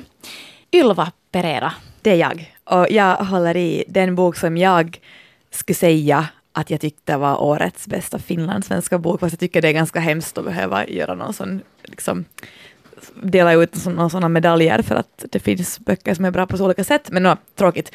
Äh, den här boken var bra, därför för att Uh, jag inte trodde att den skulle vara det. Det jag håller i alltså Peter Sandströms novellsamling Mamma November. Och om man har läst Peter Sandström, vilket jag har gjort en del, så kan man vara lite rädd att tro att, att ska han nu skriva samma bok igen? För han har liksom Peter Sandström tycker jag är liksom en person som bygger ett författarskap, alltså hans böcker hänger ihop på det viset att han skriver väldigt ofta om Peter Sandström och om Peter Sandströms mamma av Peter Sandströms fru och barn och pappa och syster och alla de får vi träffa också i den här. Men jag är otroligt imponerad och fascinerad i hur han kan liksom röra sig mellan de här bekanta koordinaterna och så twistar han till det och det händer liksom nya saker, det uppstår nya djup hela tiden och han är helt galen och jätterolig och samtidigt väldigt så känslig och berörande och, och, och finstämd.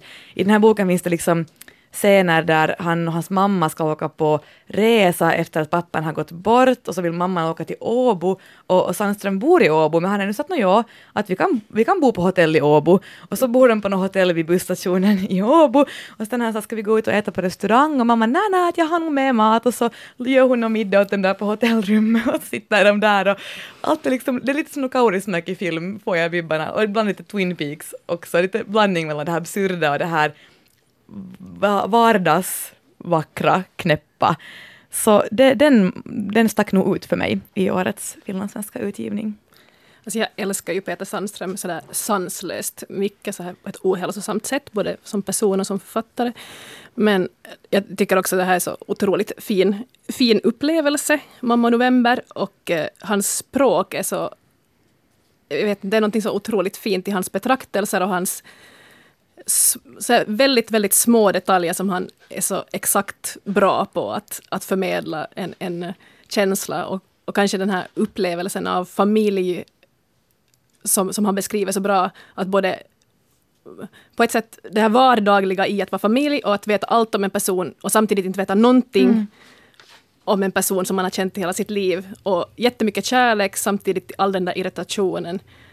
Och han är nog helt otroligt skicklig på, på det, tycker jag. Jo, och jag tycker att det funkar just bäst i novellformat. Han har ju varierat lite mellan noveller och romaner. Han, han fick ju mycket pris för den här förra romanen Laudator, men jag tyckte inte så jättemycket om den, för där upplevde jag på något sätt att jag inte riktigt hölls intresserad. Det var som att läsa en lite för lång novell tyckte jag. Medan här i den här, de här korta, så var det var som att alla de här just detaljerna som du tar upp, att de på något vis var som extrapolerade och bara sådär stack ut på ett jätteintressant sätt.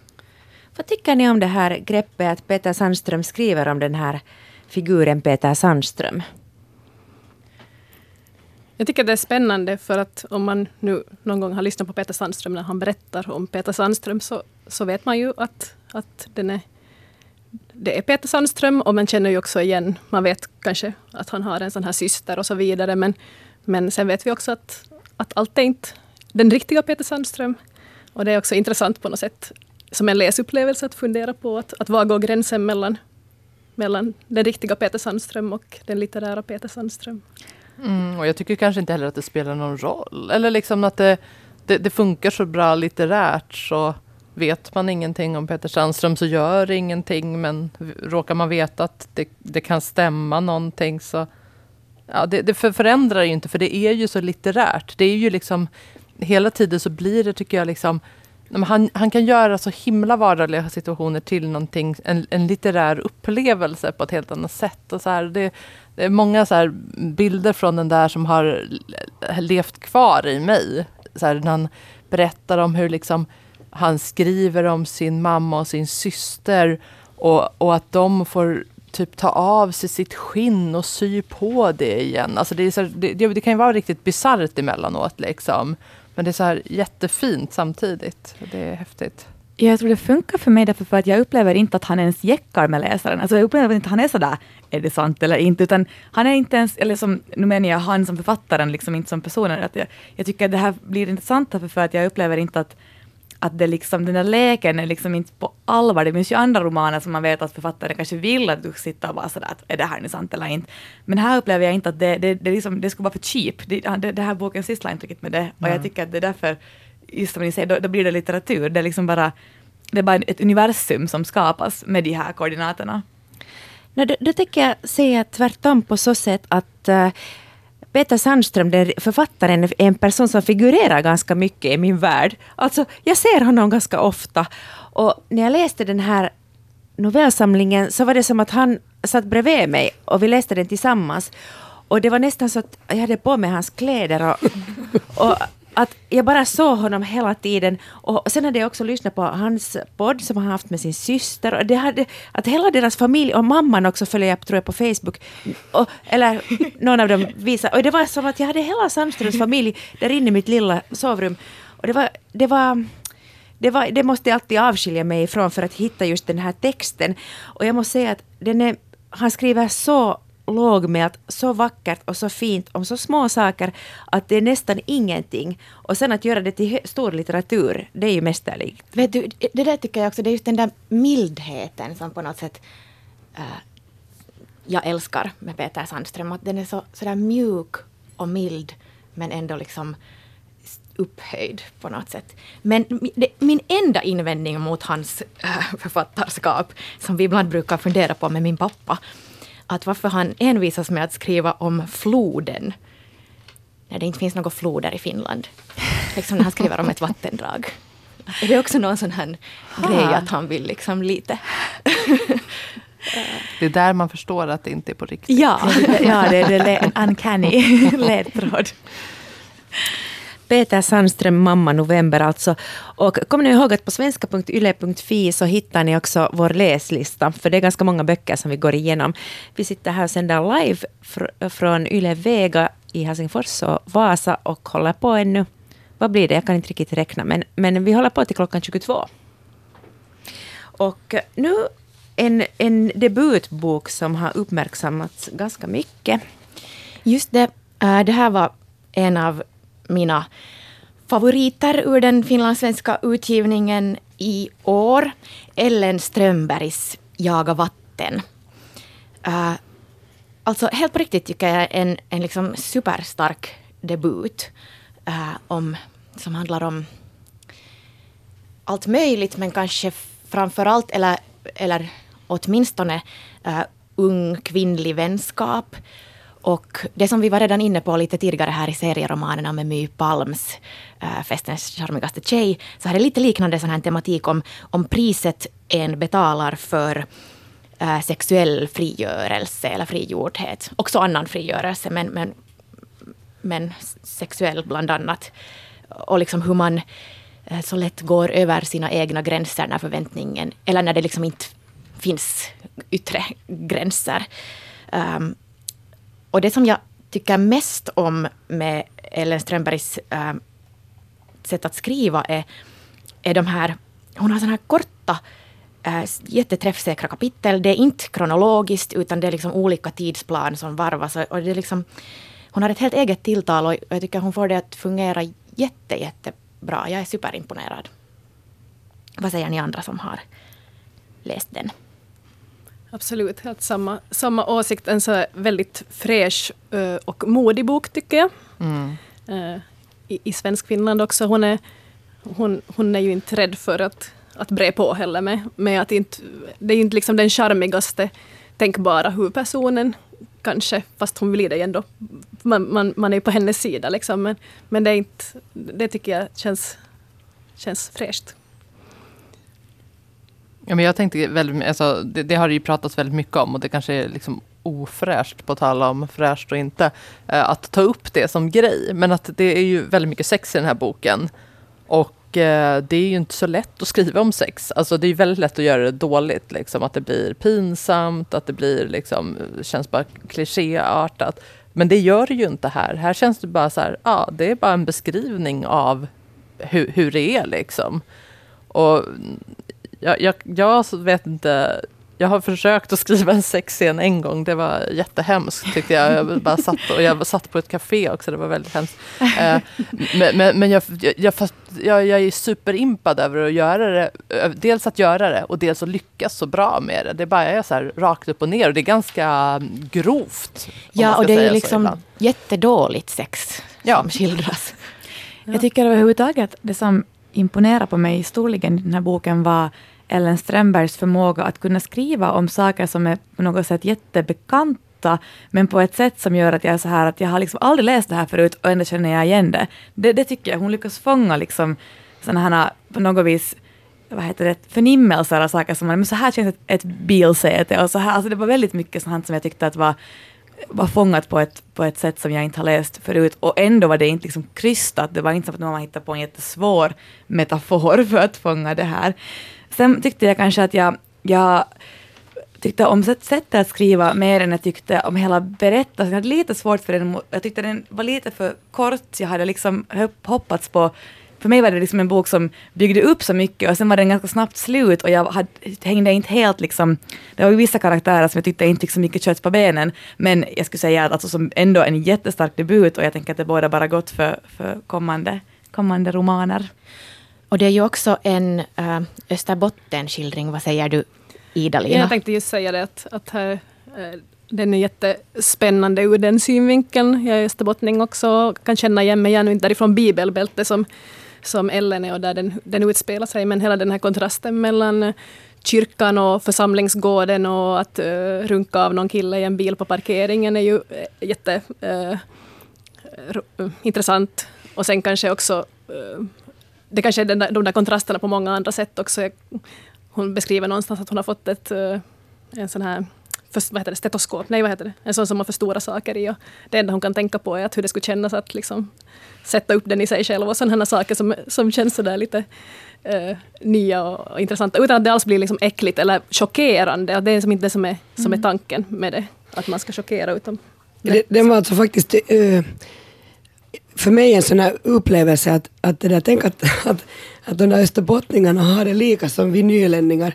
Um, det är inte första gången jag upplever det här. Uh, jag var på en sån där Eh, grejen, nu tittar jag på Anne här lite i panik, eh, där man skulle berätta sina dagböcker, vad hette det där nu, för ett år sedan kanske? Ah, jo. Sina, man, man, man, fick komma och uppträda och berätta om, om, om liksom, man kunde läsa från sina dagböcker. Och där var, var några österbottningar med och läsa eh, från sina gamla dagböcker. Och jag kommer ihåg att jag blev så här chockad, så att herregud, har de hållit på så där, där i Österbotten? Att jag hade på något sätt den här bilden av att det var ett bibelbälte och att om de nu gjorde något så får de att kasta tomater, närpestomater på minkfällorna. Liksom, and that's it när det kommer till liksom att vara eh, busig. Men alltså de är ju fan värre än Borgåborna skulle jag säga. Alltså, den här Ellen Strömbergs Jaga vatten hade jag bredvid mig, mm, jag lyssnade på någon sån här skräpdeckare av det där Träff och Grebe och så tänkte jag nu ska jag läsa den här svåra boken.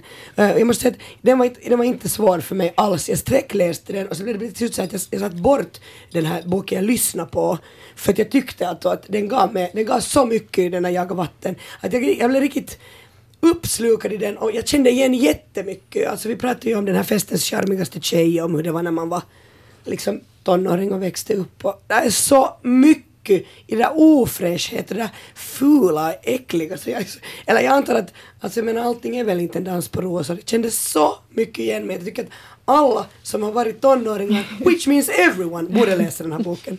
Mm. Ja, vad ska vi säga? Stark, mycket stark debut. Ellen Strömberg, Jaga vatten. Nu sitter jag här med små svettiga händer och kramar en av mina favoriter från i år, Alma, en roman av Merete Mazzarella. Och premisserna är kanske lite ofräscha.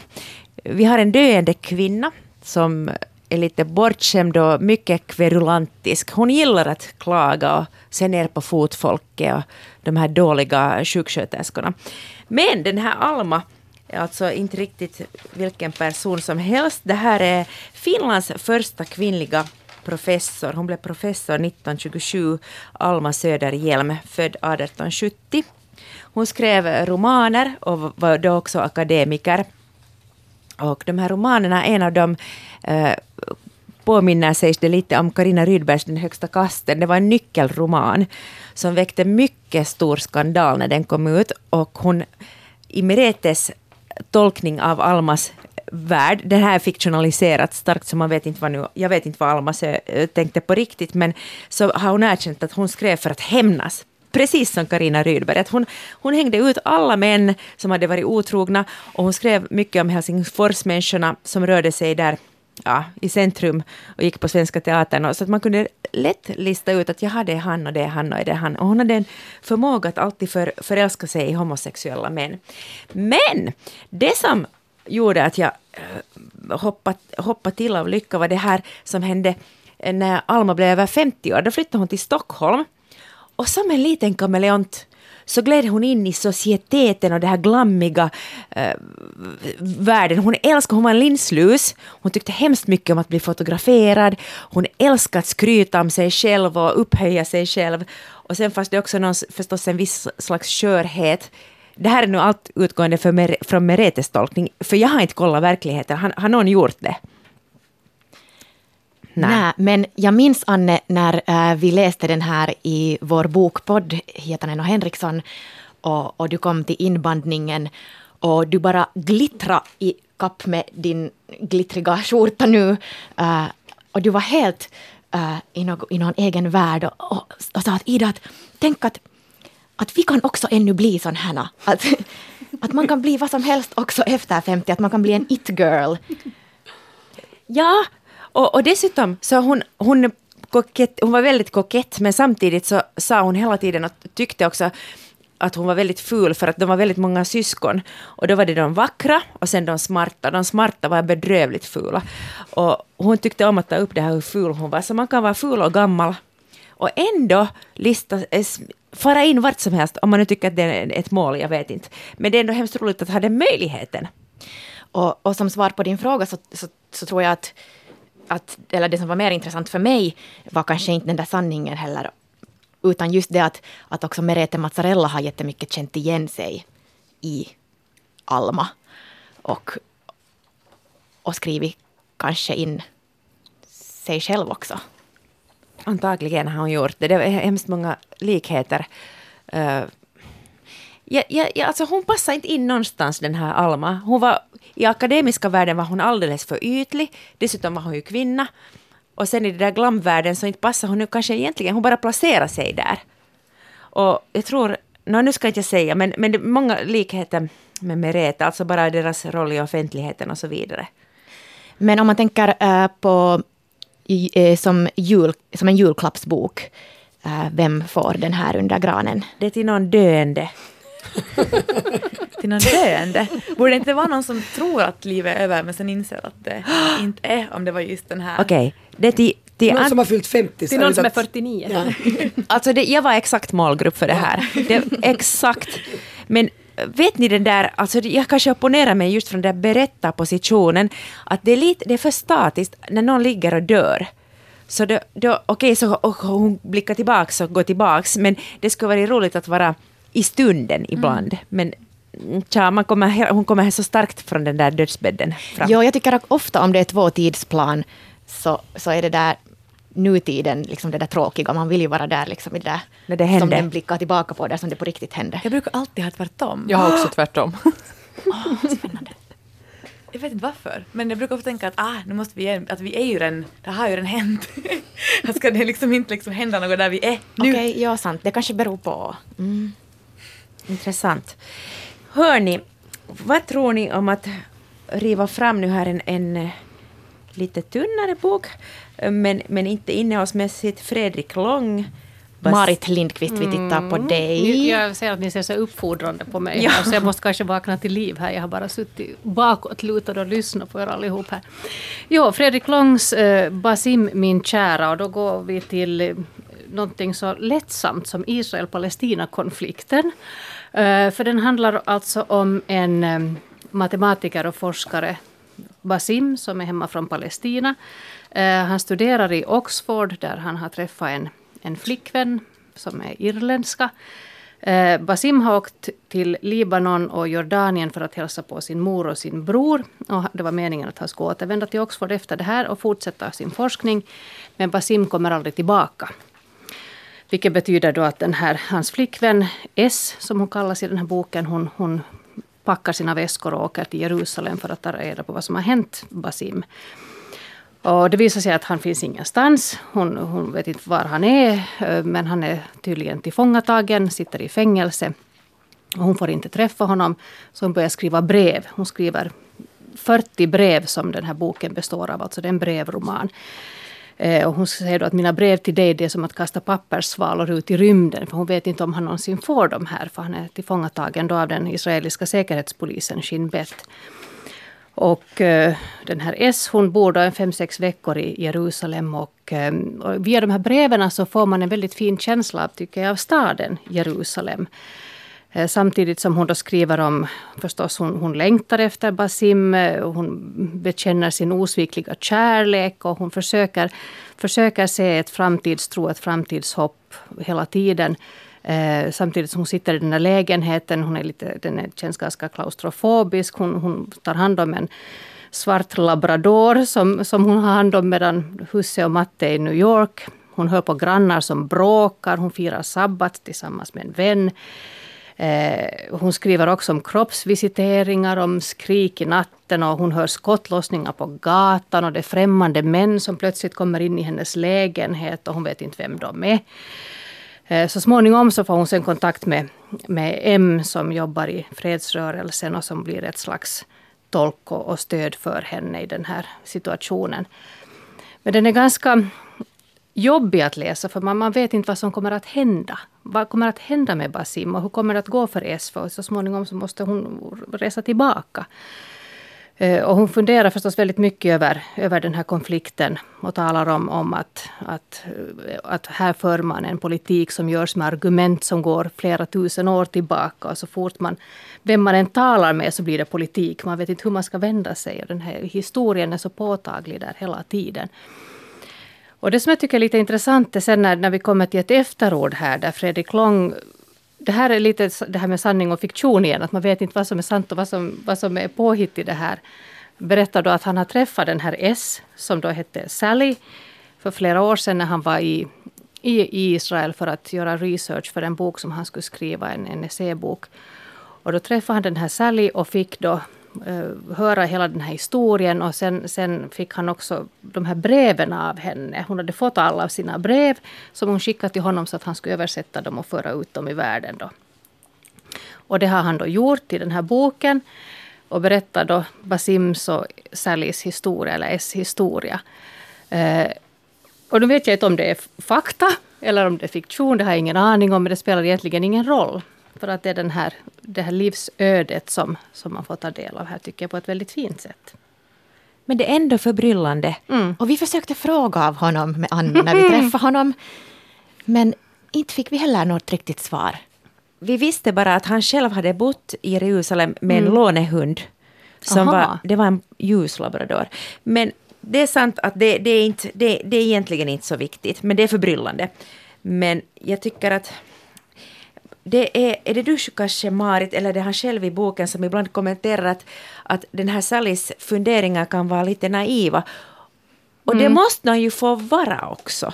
Och jag tycker själv att det är jättesvårt att prata om Israel och Palestina utan att, att man säger någonting som är väldigt naivt. Det är det, och jag menar hon, hon funderar ju kring det här med den här tvåstatslösningen och enhetslösningen. Att hur, ska, hur ska man någonsin komma fram till vad som, vad som är det rätta och det riktiga för det här folket. Och, och i dagens läge så är det ju ännu mera spänt igen mellan de här olika folkgrupperna i, i Jerusalem och Israel och Palestina-konflikten. Så den pågår. Så det, det känns ju som en väldigt hopplös situation. Men därför tycker jag också att, att man via den här Basim min kära och via de här breven får kanske en mera personlig relation till den här konflikten via den här S och hennes brev och kommentarer och upplevelser. Alltså, verkligen. Jag är så lycklig att Fredrik Long har skrivit den här boken. Alltså Israel-Palestina-konflikten är min favoritkonflikt, om man kan säga så. Äh, men jag tycker att han liksom på ett så bra sätt äh, speglar det här politiska via det personliga, som du sa. Att, att man, man förstår den där personliga frustrationen som beror, eller liksom det stora via det lilla. Det är väl så att, att det är inte så inne nu att det är mera inne att vara pro-Palestina än pro-Israel, om man nu måste vara pro någonting. Jag tycker den här boken är jättefin för att han försöker att inte riktigt liksom ta ställning åt någon sida. Och sen tar han också på något sätt får fram det där jättefint att det är ju inte israelerna i själ, sig själva som är, är grisar, utan det är ju i Knesset som man har kommit fram till olika saker. Att det kommer jättefram, fint fram i boken. Jag håller med om att jag tycker att han inte liksom skuld, eller demoniserar enskilda människor, men jag tycker nog att den här boken, och jag uppskattar alltså det att den på något vis ändå vågar tala om vem som ockuperar och vem som är ockuperad, Ja. och vem som råkar ut för våld på vilket sätt. Alltså jag tycker att det är också en viktig sak som den här boken vågar göra, att den inte bara är så här å ena sidan och å andra sidan. Ja, för utan- man behöver ju inte vara opartisk i en konflikt där det är, handlar om liksom, att en stat ockuperar någon annans. Precis. Men jag tycker det intressanta är just att det blir en sån spänning mellan den här väldigt intima kärlekshistorien mellan, mellan liksom S och, och Basim, och, som ju bara handlar om två människor, men sen, och sen de här andra helt vanliga människorna som lever sin vardag i det här kaotiska eh, land, la, landen, lä- länderna, sta, staden. Eh, och sen det här liksom på något vis den stora frågan om konflikten med stort K. Jag tycker att det, det liksom, den här boken rör sig på ett skickligt sätt mellan de här olika planen. Men om den är, jag tittar just, den är jättetunn, eh, 144 sidor. Du sa eh, Marit ändå att den var ganska tung att läsa, för att man aldrig liksom vet. Nu vet jag inte om den är så tung nu, på det sättet. Alltså det är klart att, att man, man, man undrar ju hela tiden hur kommer det här att gå? Kommer hon någonsin att träffa Basim igen? För hon vet ju inte riktigt vad som har hänt med honom. Och vi ska ju inte avslöja hur det går här tycker jag. För att läsaren får veta, så att säga. Vad bra, det, det där var liksom lovord till mig. Till, till, jag hoppas att det där jag får en i julklapp. Måste säga eh, ett, en liten sak, jag tycker den är ganska ful, får man säga så? så jätte, jätte, jätteful alltså. Det är synd, det ser ju inte ut som Dino Deluxe direkt liksom den här boken. Men det är förlagets bok. Har de inte lyckats med den här pärmen riktigt?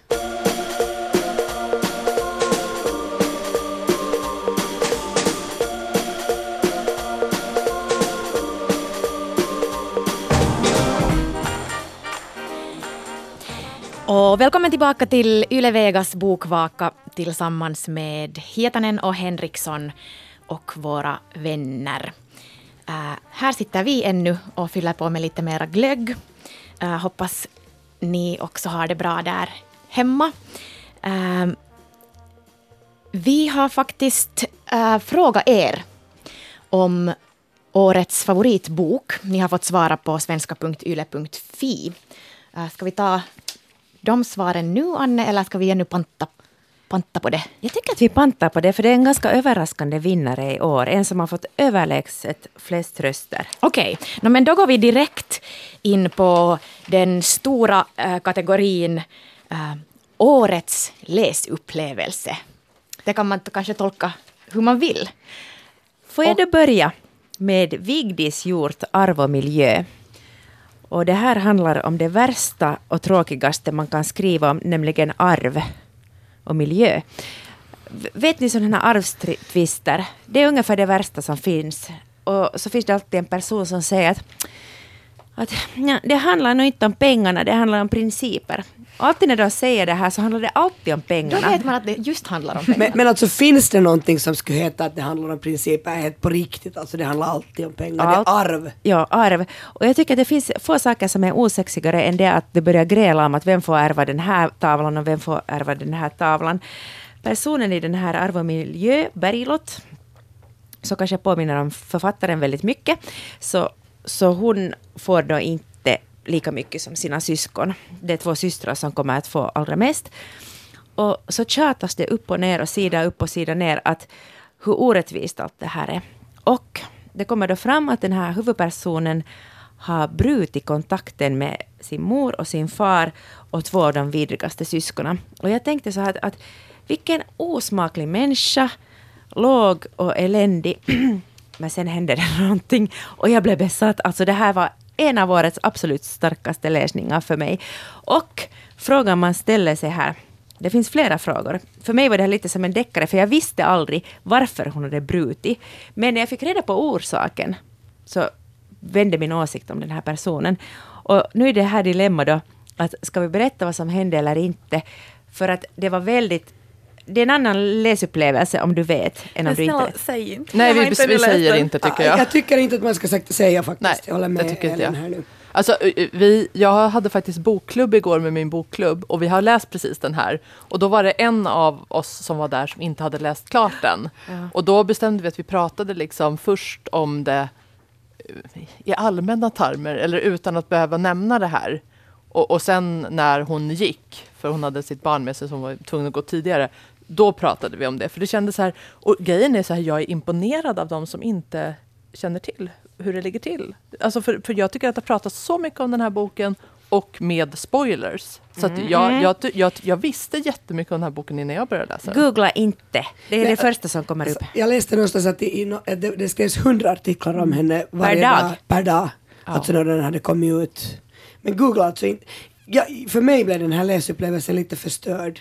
Eftersom jag eh, såg på Babel, det här litterär, litteraturprogrammet från, från SVT. Och, och hon var gäst hos Jessica Edin. Och, och det där tyvärr så förstörde nu Jessica den här upplevelsen för mig. För det är nästan som en thriller. Alltså, eh, vi talar inte deckare nu utan vi talar thriller. Liksom, den är så genialiskt, genialiskt väl uppbyggd. Och liksom om man inte vet orsaken till allt så, så liksom, ja, det, bara, det bara spänner i kroppen på en så jag skulle vilja läsa egentligen den på nytt. Ja, jag, jag önskar så att jag inte hade vetat. För att jag tyckte, Eller hur? Alltså, jag, eftersom det också hade pratats så mycket om det så kan jag säga att jag hade väldigt höga förväntningar på den här boken. Eh, som det inte levde upp till. Men det kan ju ha att göra med, med, med det där bland annat. Sen tycker jag det fanns andra grejer som jag inte tyckte så mycket om i den här boken. Uh, Marit, Ja, nej, jag skulle bara säga att Vigdis Hjorth är ju en, en författare som, som...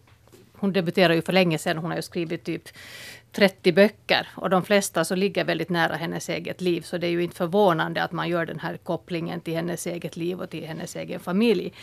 Det var lite intressant för att hela den här diskussionen om, om den här autofiktionen och verklighetslitteraturen som man talar om i Norge, den började egentligen med att det var en kritiker i Aftenposten som skrev hyllande om den här romanen Eh, gjort utportionerar hemligheterna med Ibsensk precision så att spänningsnivån upprätthålls till den sista av de 343 sidorna. Men sen ungefär två veckor senare så skrev samma kritiker en text som gav upphov till den här debatten där hon konstaterade då att, att Hjort har modellerat romanens familj på sin egen familj och bland annat citerat ur sin egen fars begravningsceremoni.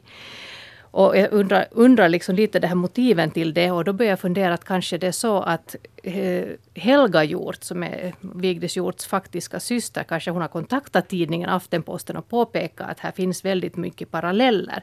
För den här systern, yngre systern Helga Hjort som porträtteras väldigt elakt, eh, eller ska vi säga inte så smickrande i arv och miljö. Så hon, I fjol så gav hon ut en, en parallellbok eller en motbok som heter Fri vilje.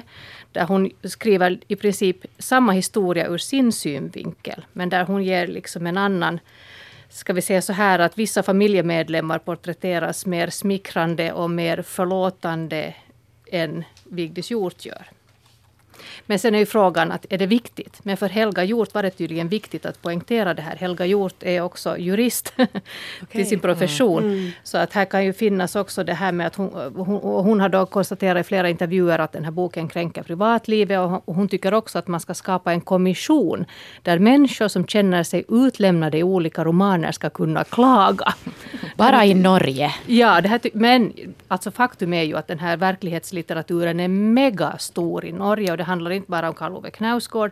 Det går längre tillbaka i tiden än så. Robert Olle Sunde, Thomas Espedal och inte minst Geir Gulliksen som för några år sedan hamnade i hetluften när han gav ut sin roman Berättelsen om ett äktenskap där hans exfru gick ut i medierna och klagade mm. på att jag är ju den här, det är mig han har kalkerat. Ja. ja, men jag tänker sådär, men är det kanske bara ett försäljningstrick? De har ju mycket pengar där i Norge.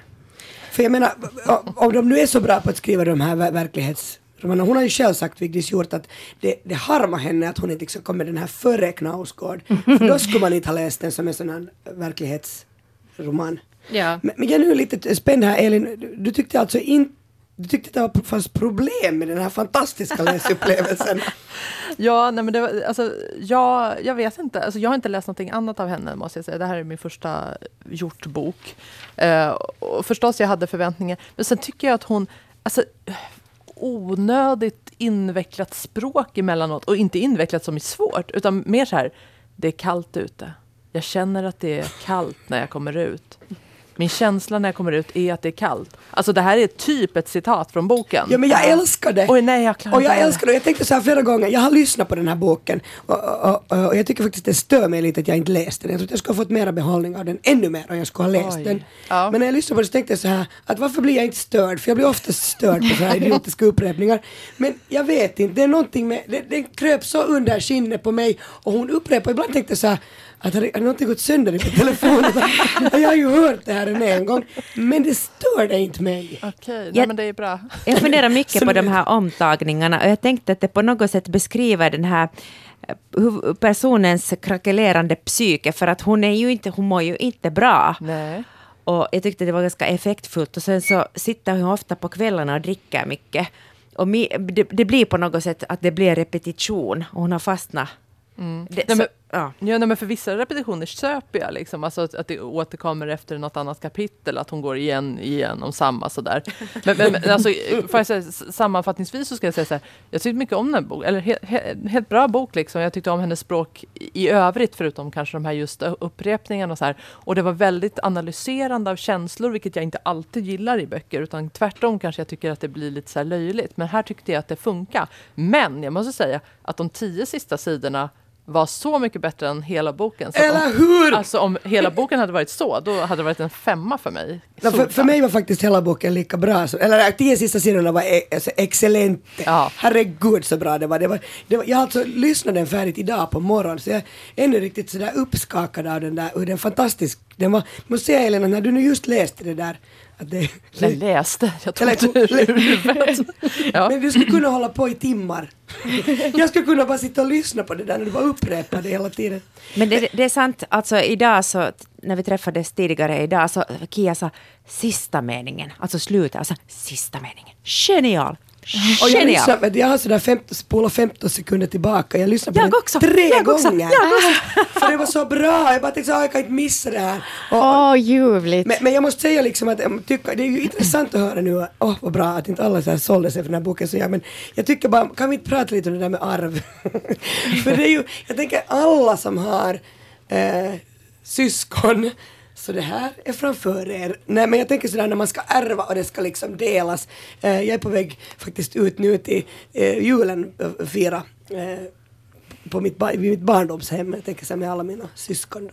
Så det var så intressant det ämne att skriva om fast det liksom var så här gäsp och suck. Vem vill läsa en bok som, som är så osexig som Ja. arbetsmiljö? Men det är så intressant för när det berör alla. Och alla men är vilket lika- lyxproblem, det berör ju inte alls alla.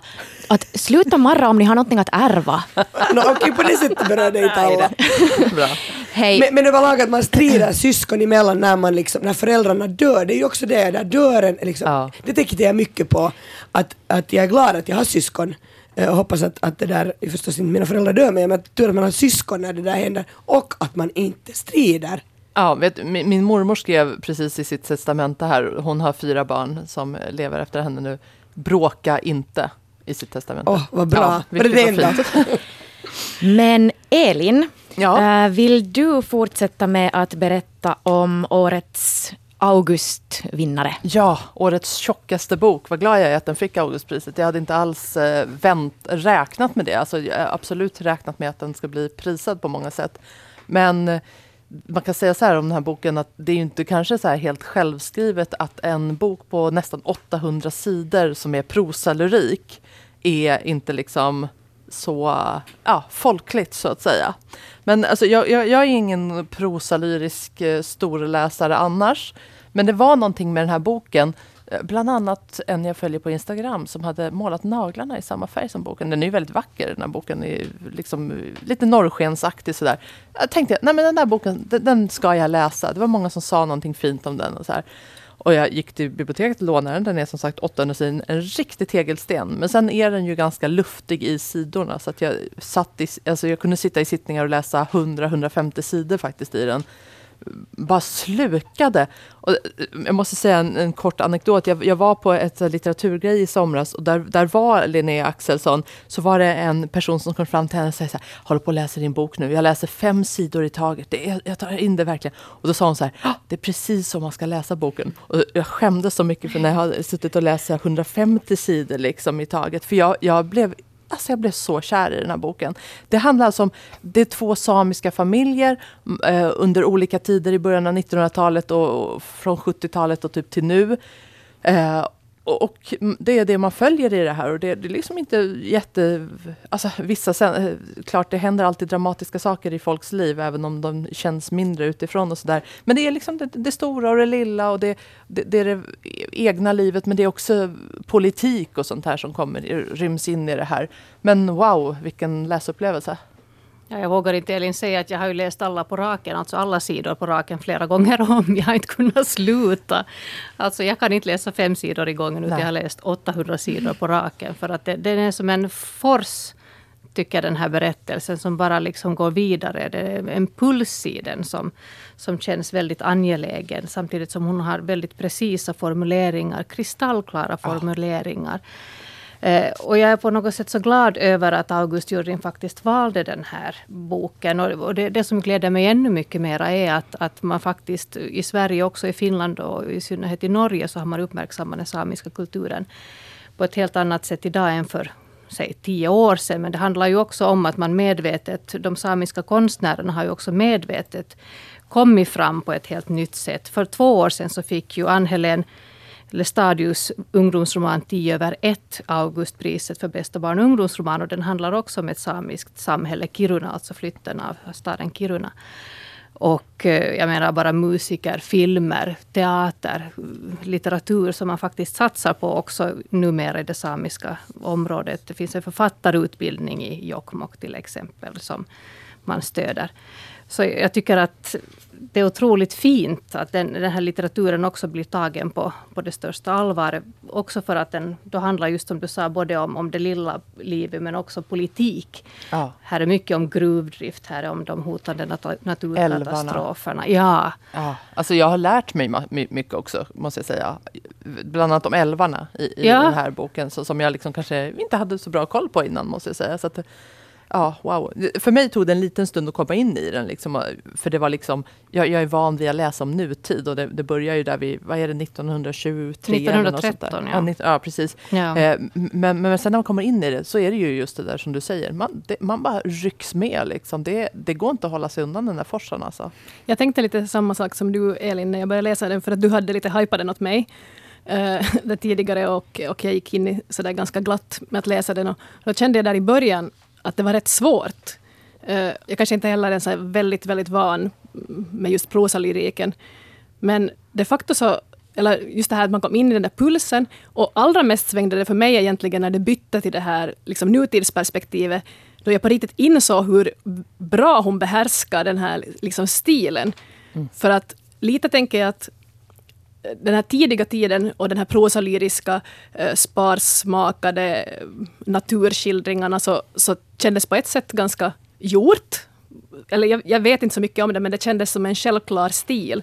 Men så tyckte jag det var så fascinerande när hon övergick till liksom 50, 60, 70-tal och fortsatte med samma stil. Och då, förstå, först då förstod jag egentligen hur briljant eh, den här texten var. Ja. På något sätt. En jättestor stor läsupplevelse. Jag tycker också just det där att, att, att man, jag, visste, jag visste inte så mycket. Jag vet inte så mycket om, om, om samer egentligen. Och, och jag fick en, en... Jag lärde mig jättemycket. Alltså, jag, jag, ser så mycket fram emot att läsa den här. Jag har bara hunnit läsa de första sidorna för att nu in, inför det här samtalet. Och de gick liksom direkt in och jag bara började storgråta. Jag vet inte när det skulle ha hänt. Det var ännu här på jobbet. Jag satt där glatt och tittade på några tecknade serier på min dator och så tittade jag att nej men Ida gråter som jag vet inte vad. Jag bara, åh. Och det var Ednan. Mm. Så moderskärleken är också så fantastiskt skildrad där. Uh, eller ja, på ett så fint sätt. Mm.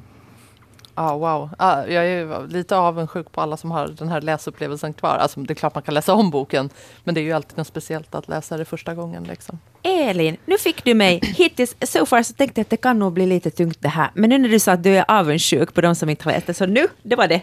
Ah, bra. Uh, Elin, Ska jag fortsätta? Ja, jag tycker det. Ja, men då tar vi en annan härlig läsupplevelse. Eller härlig och härlig, för det är ju jättetungt egentligen.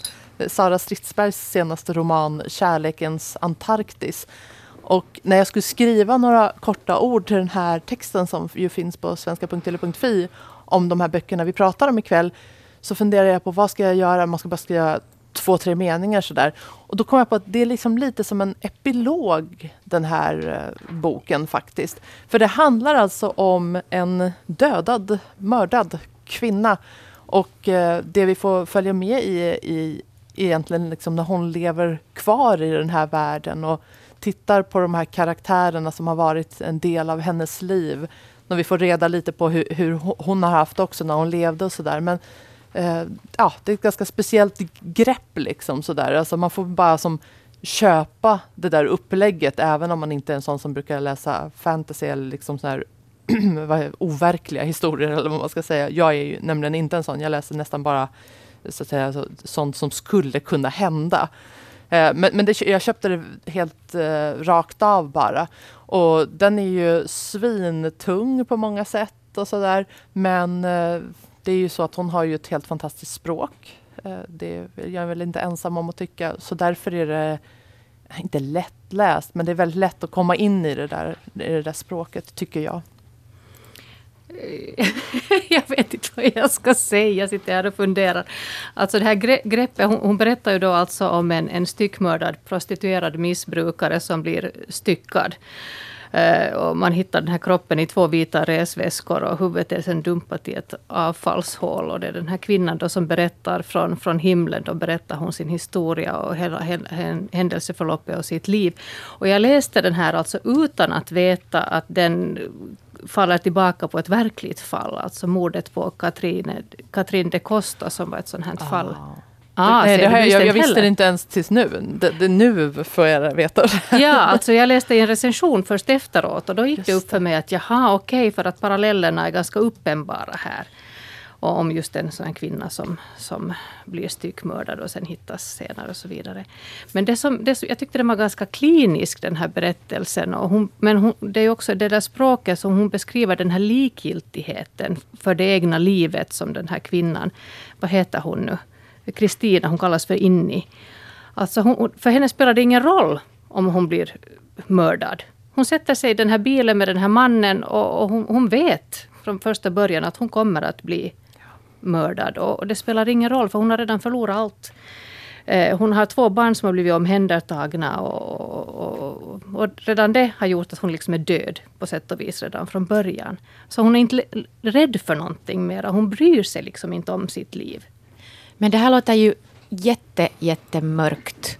Och hur, hur ja, liksom, den är jätteobehaglig. Ja, den är jätteobehaglig. Men är det, är det, finns det något, hur orkar man, alltså Ja, alltså den här läste jag i portioner. Om jag, om jag slukade Ednan från mm. perm till perm så läste jag den här i portioner. För den var så fruktansvärt obehaglig att läsa.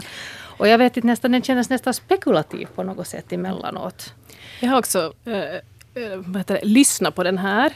Och jag, för mig var det här en jättekrånglig upplevelse. Mm. Jag tycker att, att Stridsberg är fantastisk. Man skulle kunna citera varje rad hon skriver. Hennes språk är ju liksom ett av de bästa. Men, och jag vet jag är inte speciellt auditiv och jag lyssnar inte så mycket på böcker. Och det kan hända nu att det beror på det. Eh, eh, så här. Men, men jag hade jättesvårt med den här boken. Eh, jag, jag, tyck, jag vet inte. Det var lite för många människor som kom in. Mm. Många, många namn som nämndes där i början. Jag kunde inte riktigt hålla isär dem. Och, och, kanske just för att jag är så här jätterationell och realistisk så var det så svårt för mig. Det var som att jag hela tiden tänkte på den här, att det var den här döda människan som pratade någonstans ifrån. Och det bara gick, det gick liksom inte, det funkar inte för mig. Nej, man måste väl köpa det konceptet egentligen för att det ska, ja, ja. för att man ska kunna komma ja, in jag antar i det. det. Och, och, det kan hända, jag, jag, tänkte på det att jag borde kanske ha läst den för att jag kanske skulle kunna njuta av det där språket och på något sätt gått med på det.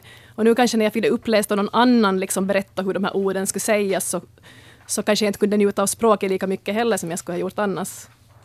Får jag fråga vad ni tycker om det? För att, eh, jag menar, Stridsberg är ju en författare som ofta har, eh, vad ska vi säga, vill utforska utsatthet på olika mm. sätt.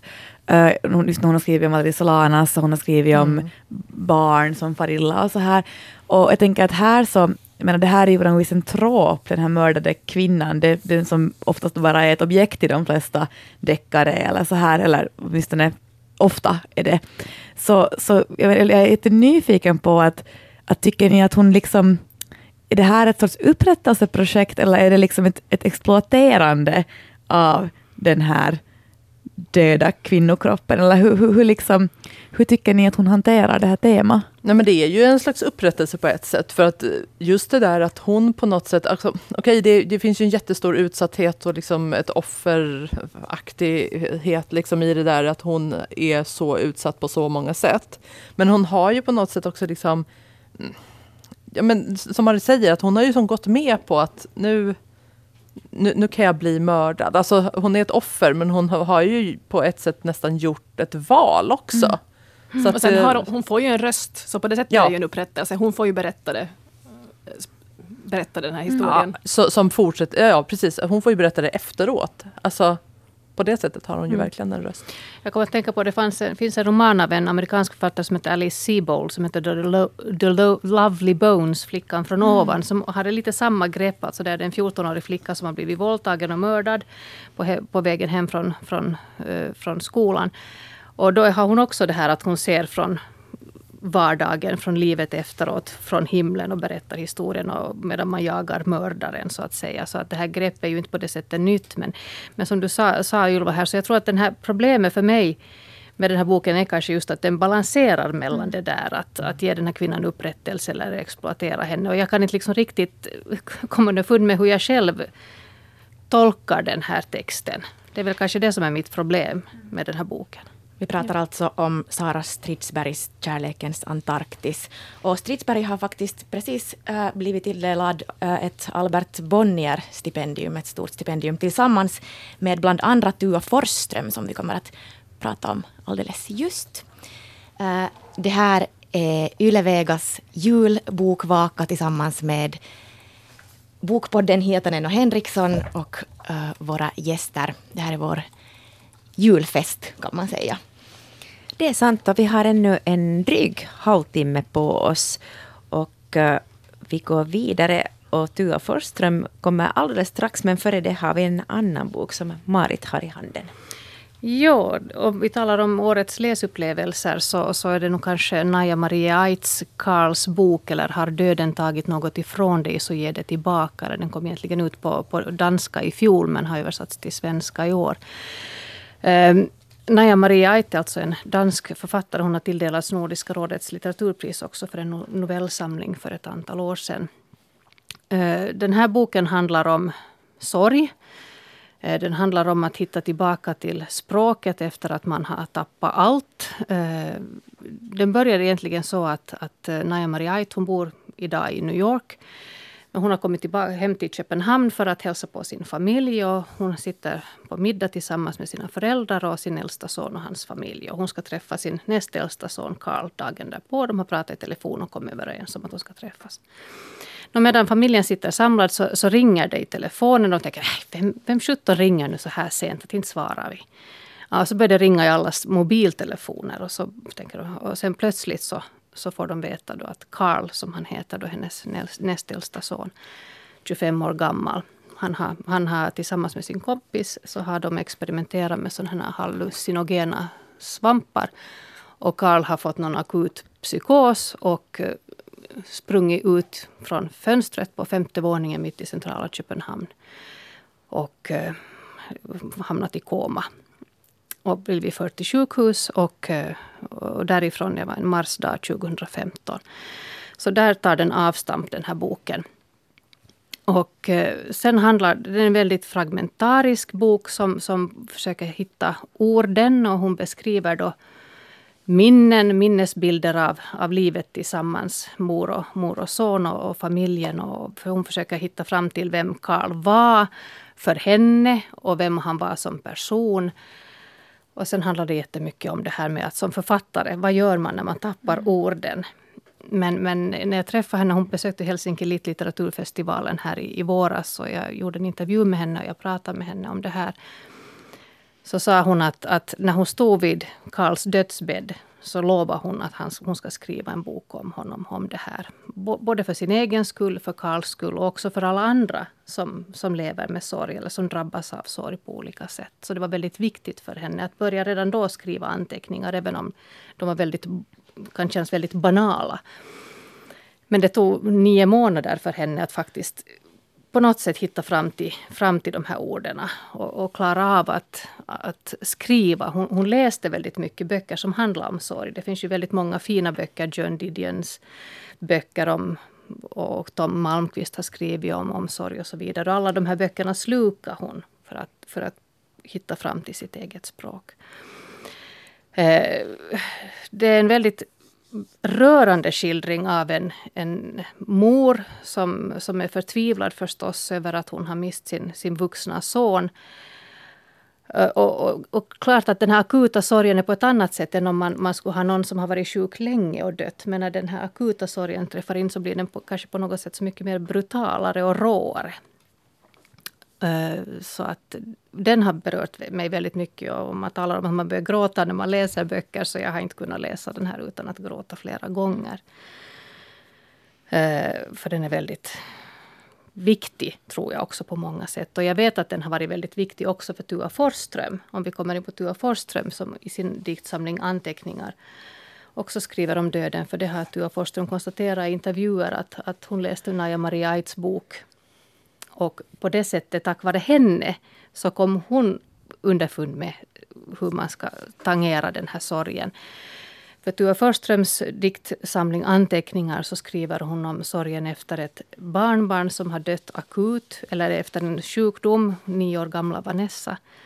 Och det är på samma sätt det där, att hur ska man få, få fatt i de där orden? Var ska man börja? Och man börjar kanske de här små, små som kanske kan kännas banala och klichéfyllda men, men ändå så viktiga orden som man, man börjar med.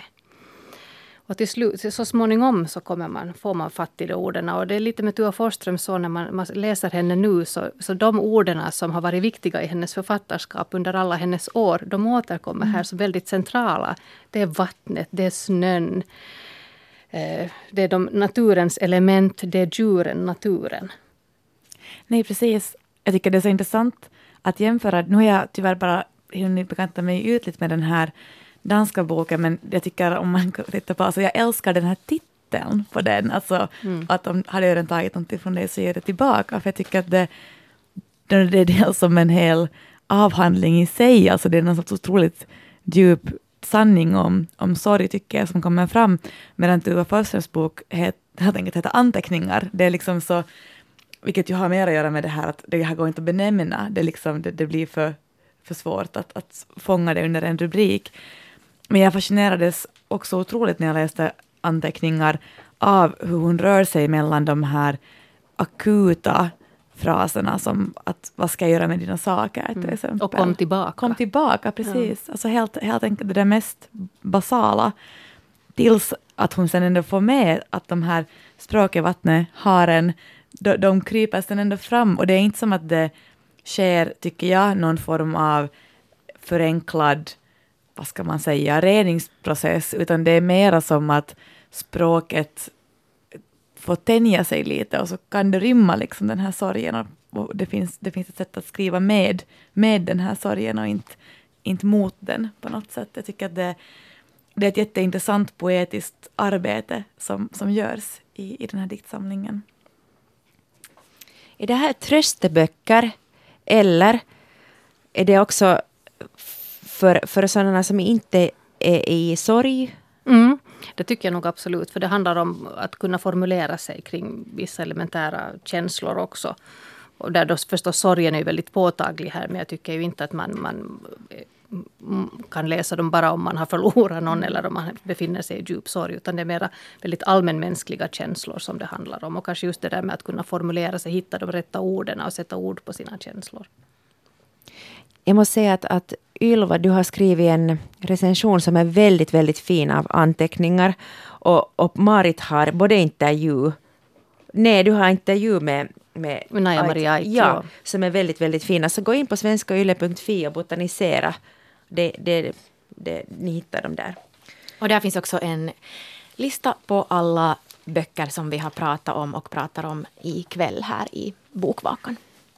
Jo, och vi har några få böcker kvar ännu som vi ska prata och sen har vi också förstås då omröstningen när vi har bett er berätta om era bästa läsupplevelser i år.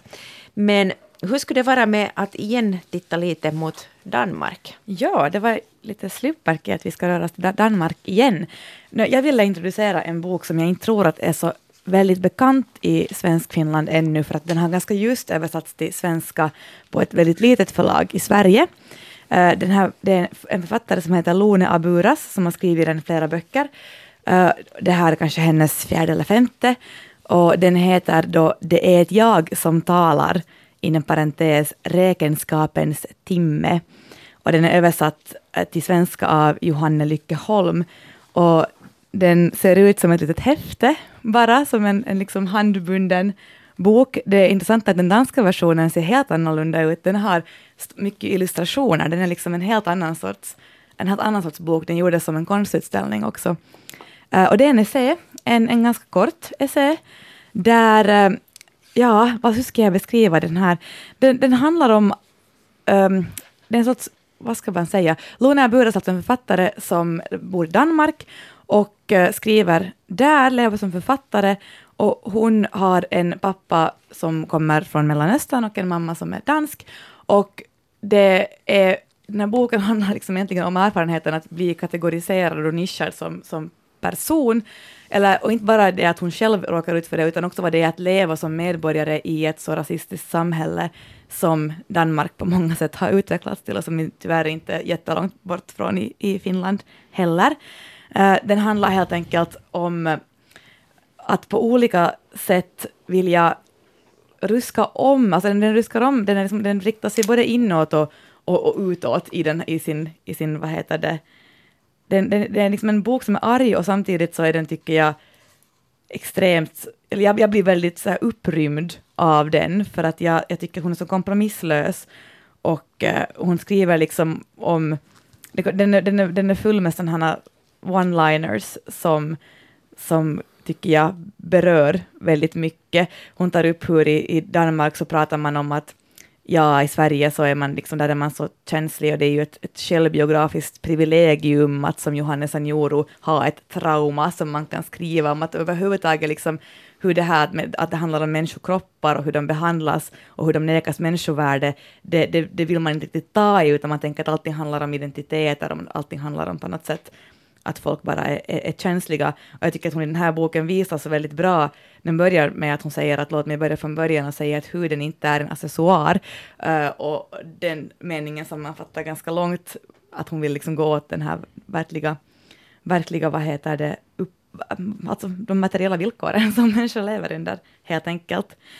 Um, ja, nej, jag ska inte citera så mycket, men det, det, det, det, skulle, det här är en bok som jag skulle önska att, att faktiskt alla skulle läsa, för att den, den gör en obekväm och egentligen tror jag vem man än är så gör den en obekväm och det tycker jag är bra. Jag tycker vi ska vara lite mer obekväma och hon på något vis säger att ja, det, är liksom, det, det, räcker inte att bara tro att man sitter och skriver litteratur om det som är svårt och, och då har man liksom gjort någonting för världen, utan det, det krävs fysisk förändring. Och, och sen skriver hon ändå om att inte, inte, sen sitter hon själv hemma och klickar hem My, My Little Ponies från, från samlarsajter och liksom, den är sådär, ja, kompromisslös åt alla håll och den, den skulle jag vilja rekommendera varmt. Världen förändras via dålig stämning.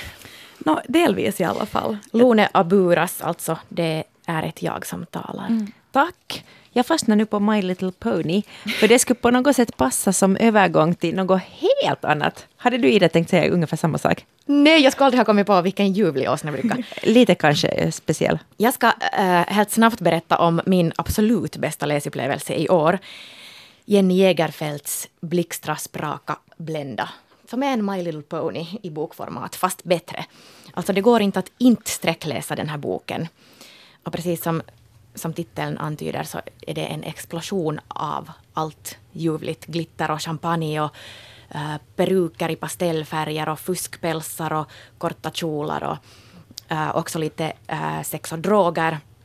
Mm.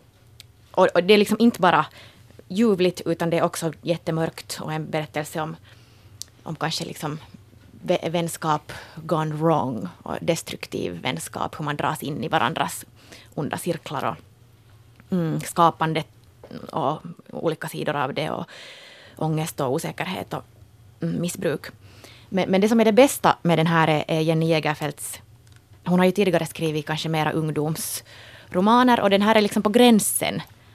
Jag tycker inte egentligen om ungdomsromaner så mycket men, men det här är på gränsen. Men jag tycker ändå att den här är, liksom har ett djup och en... Den här är en, en vuxenbok. Men hon har en, en sån här energi och ett, en glädje i sitt skrivande som gör att man liksom äh, bara dras in i det. Helt, helt ljuvlig. Och jag tycker så annorlunda som, än du Ida. Va? Ja, Nej! Men jag tycker no, inte vad tycker alls du, om Elin? den här boken. Alltså jag, jag läste klart den, men alltså på riktigt. Det här var jag kanske gav den...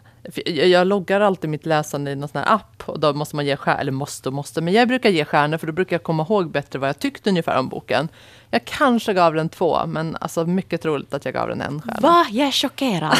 vad var det som, som du inte gillade? alltså jag har aldrig läst Jenny Jägerfeldt för att hon har ju bara skrivit ungdomsböcker och jag inte, brukar inte läsa i ungdomsböcker. Och så tänkte jag, åh vad kul, en som inte är ungdomsbok, det här ska jag läsa. Men alltså, det, det är liksom en, min, en av mina stora invändningar. Jag köper inte att det inte är en ungdomsbok. Alltså, det kanske handlar om barnförbjudna ämnen, men jag tycker den är skriven exakt som en ungdomsbok ungdomsbok. Alltså språk, jag, nej, jag, nej, gud. Jag lyssnade på den här som ljudbok och då var det Jenny Jägerfeldt själv som läste. Och, och hon var ypperlig. Det är ju inte alltid som författaren själv ska läsa sin bok, men hon var ypperlig. Hon läste med precision och drive. Den, är, den far, far i ett vansinnestempo. Okej, så lyssnade jag också på dubbel speed för att hinna fortare, för det, det var väldigt, det var väldigt lång. Men jag tyckte den, den, blev väldigt stark för mig. Alltså jag gick hemskt gärna ut och gå med hunden för då fick jag försvinna i den här My Little Pony-världen som jag, som jag tyckte kändes jätteäkta. Alltså hon är, ju, hon är ju ingen ungdom själv men det kändes väldigt nutida, samtida. Jag kände igen allt fast jag inte har nu gjort exakt samma saker som det händer i boken. Hon är ungdomspsykolog, va? Är hon inte? Ja. ja. Och har, har själv, det här nu kanske, inte vet jag om det är relevant, men hon har själv ADHD-diagnos.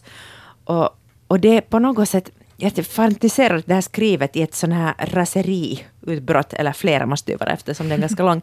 Men av någon underlig anledning så tilltalar det här mig precis.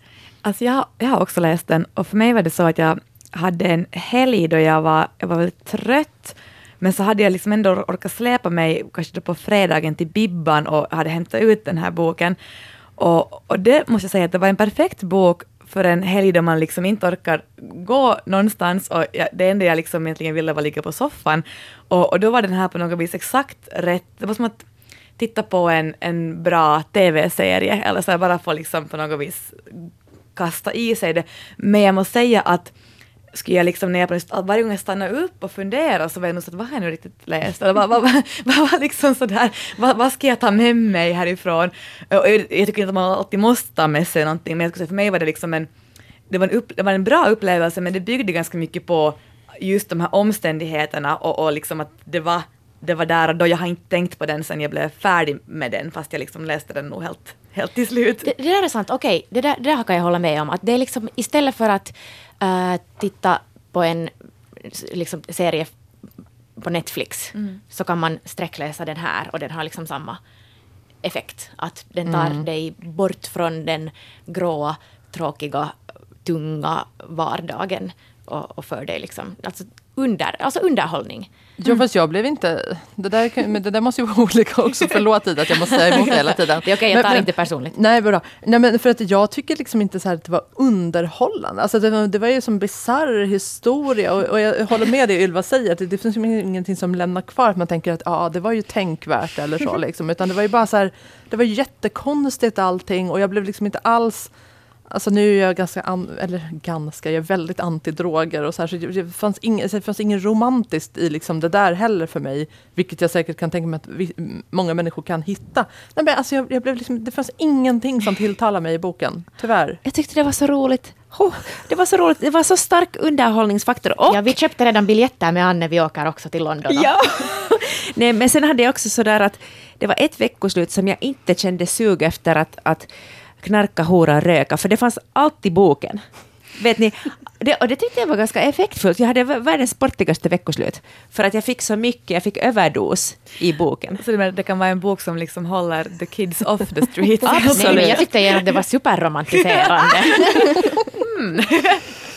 Ja, Nåja. det, ja nej, jag hade kanske också lite, det här är också konstigt för jag brukar ofta tycka ganska mycket om böcker som handlar om skrivande. Det här delar ju folk, vissa tycker det är det tråkigaste i hela världen och andra tycker att det är jätteroligt. Och det här är ju då en bok om en för ung författare. det sant, ja. mm. Och jag brukar alltså höra till team. Det kan vara ganska kul att läsa om författare äh, i rimlig mängd och sådär, men ändå. Men i det här fallet var det tror jag också det som lite störde mig, att jag, jag köpte liksom inte hennes skrivprocess alls. Inte För det, var, heller. det var liksom varje gång som någonting blev bra som hon skrev, så hade hon varit sådär, oh, då hade jag ett, vet du, en just antingen, det var inte alltid vad heter det, kemikaliskt påverkat, men det var åtminstone så här någonting som gjorde att nu hade jag ett så här jätte, jätte koncentrerat hypermoment då jag skrev. Och, och så blev det jättebra. Och jag tänker bara att no, ja, alltså det kan säkert hända, men det var lite kanske enkelt eller platt. Eller jag var bara, men där, så där händer det nog nästan aldrig, tror jag, när man skriver. Men, men där tänker jag också att det var kanske inte hela poängen, att det skulle vara liksom en, en realistisk eh, författarskildring. Men det, det märkte jag att jag lite blev så irriterad på, för att det upprepades så många gånger att så där, det är så här man skriver, eller hon skriver. Och jag bara sa att men jag tror inte att du skriver så bra. Alltså det här är så spännande. Vi kommer att sluta den här sändningen klockan 22 och då kommer åtminstone Elin, Ylva, Ida och jag ha en sån här stor fight. med, mycket, med mycket knytnävar utanför studion. Kia gick redan ut. Ja, hon stod inte ut alls. Um, men vi ska fortsätta ännu med någonting.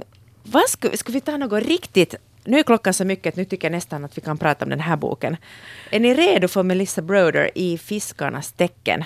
Alla kan- säger Ida-Lina Nyholm. Nu kan vi prata om den här som, som inte kanske årets, årets bästa läsupplevelse, men definitivt en, en läsupplevelse. Och, och kanske lite, den passar ganska bra ihop här nu med, med Jenny Jägerfeld, för att, för att den här boken har jag läst i badkaret.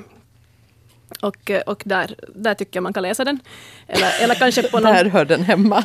kanske på någon i något flyg, på något semesterresa eller så här kan man läsa den. Eh, för det första så, så när man ser den här boken, eh, en kvinna som kramar, sensuellt kramar om en fisk, så ser man att det är den sämsta boken som någonsin har getts ut.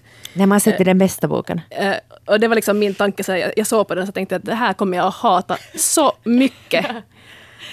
Det var också Och- min tanke att Ida-Lina kommer att hata den här Ja. så mycket. Eh, Och de facto så hatar jag inte den så mycket. Det måste jag säga. Att jag tycker faktiskt att det var en ganska intressant läsupplevelse.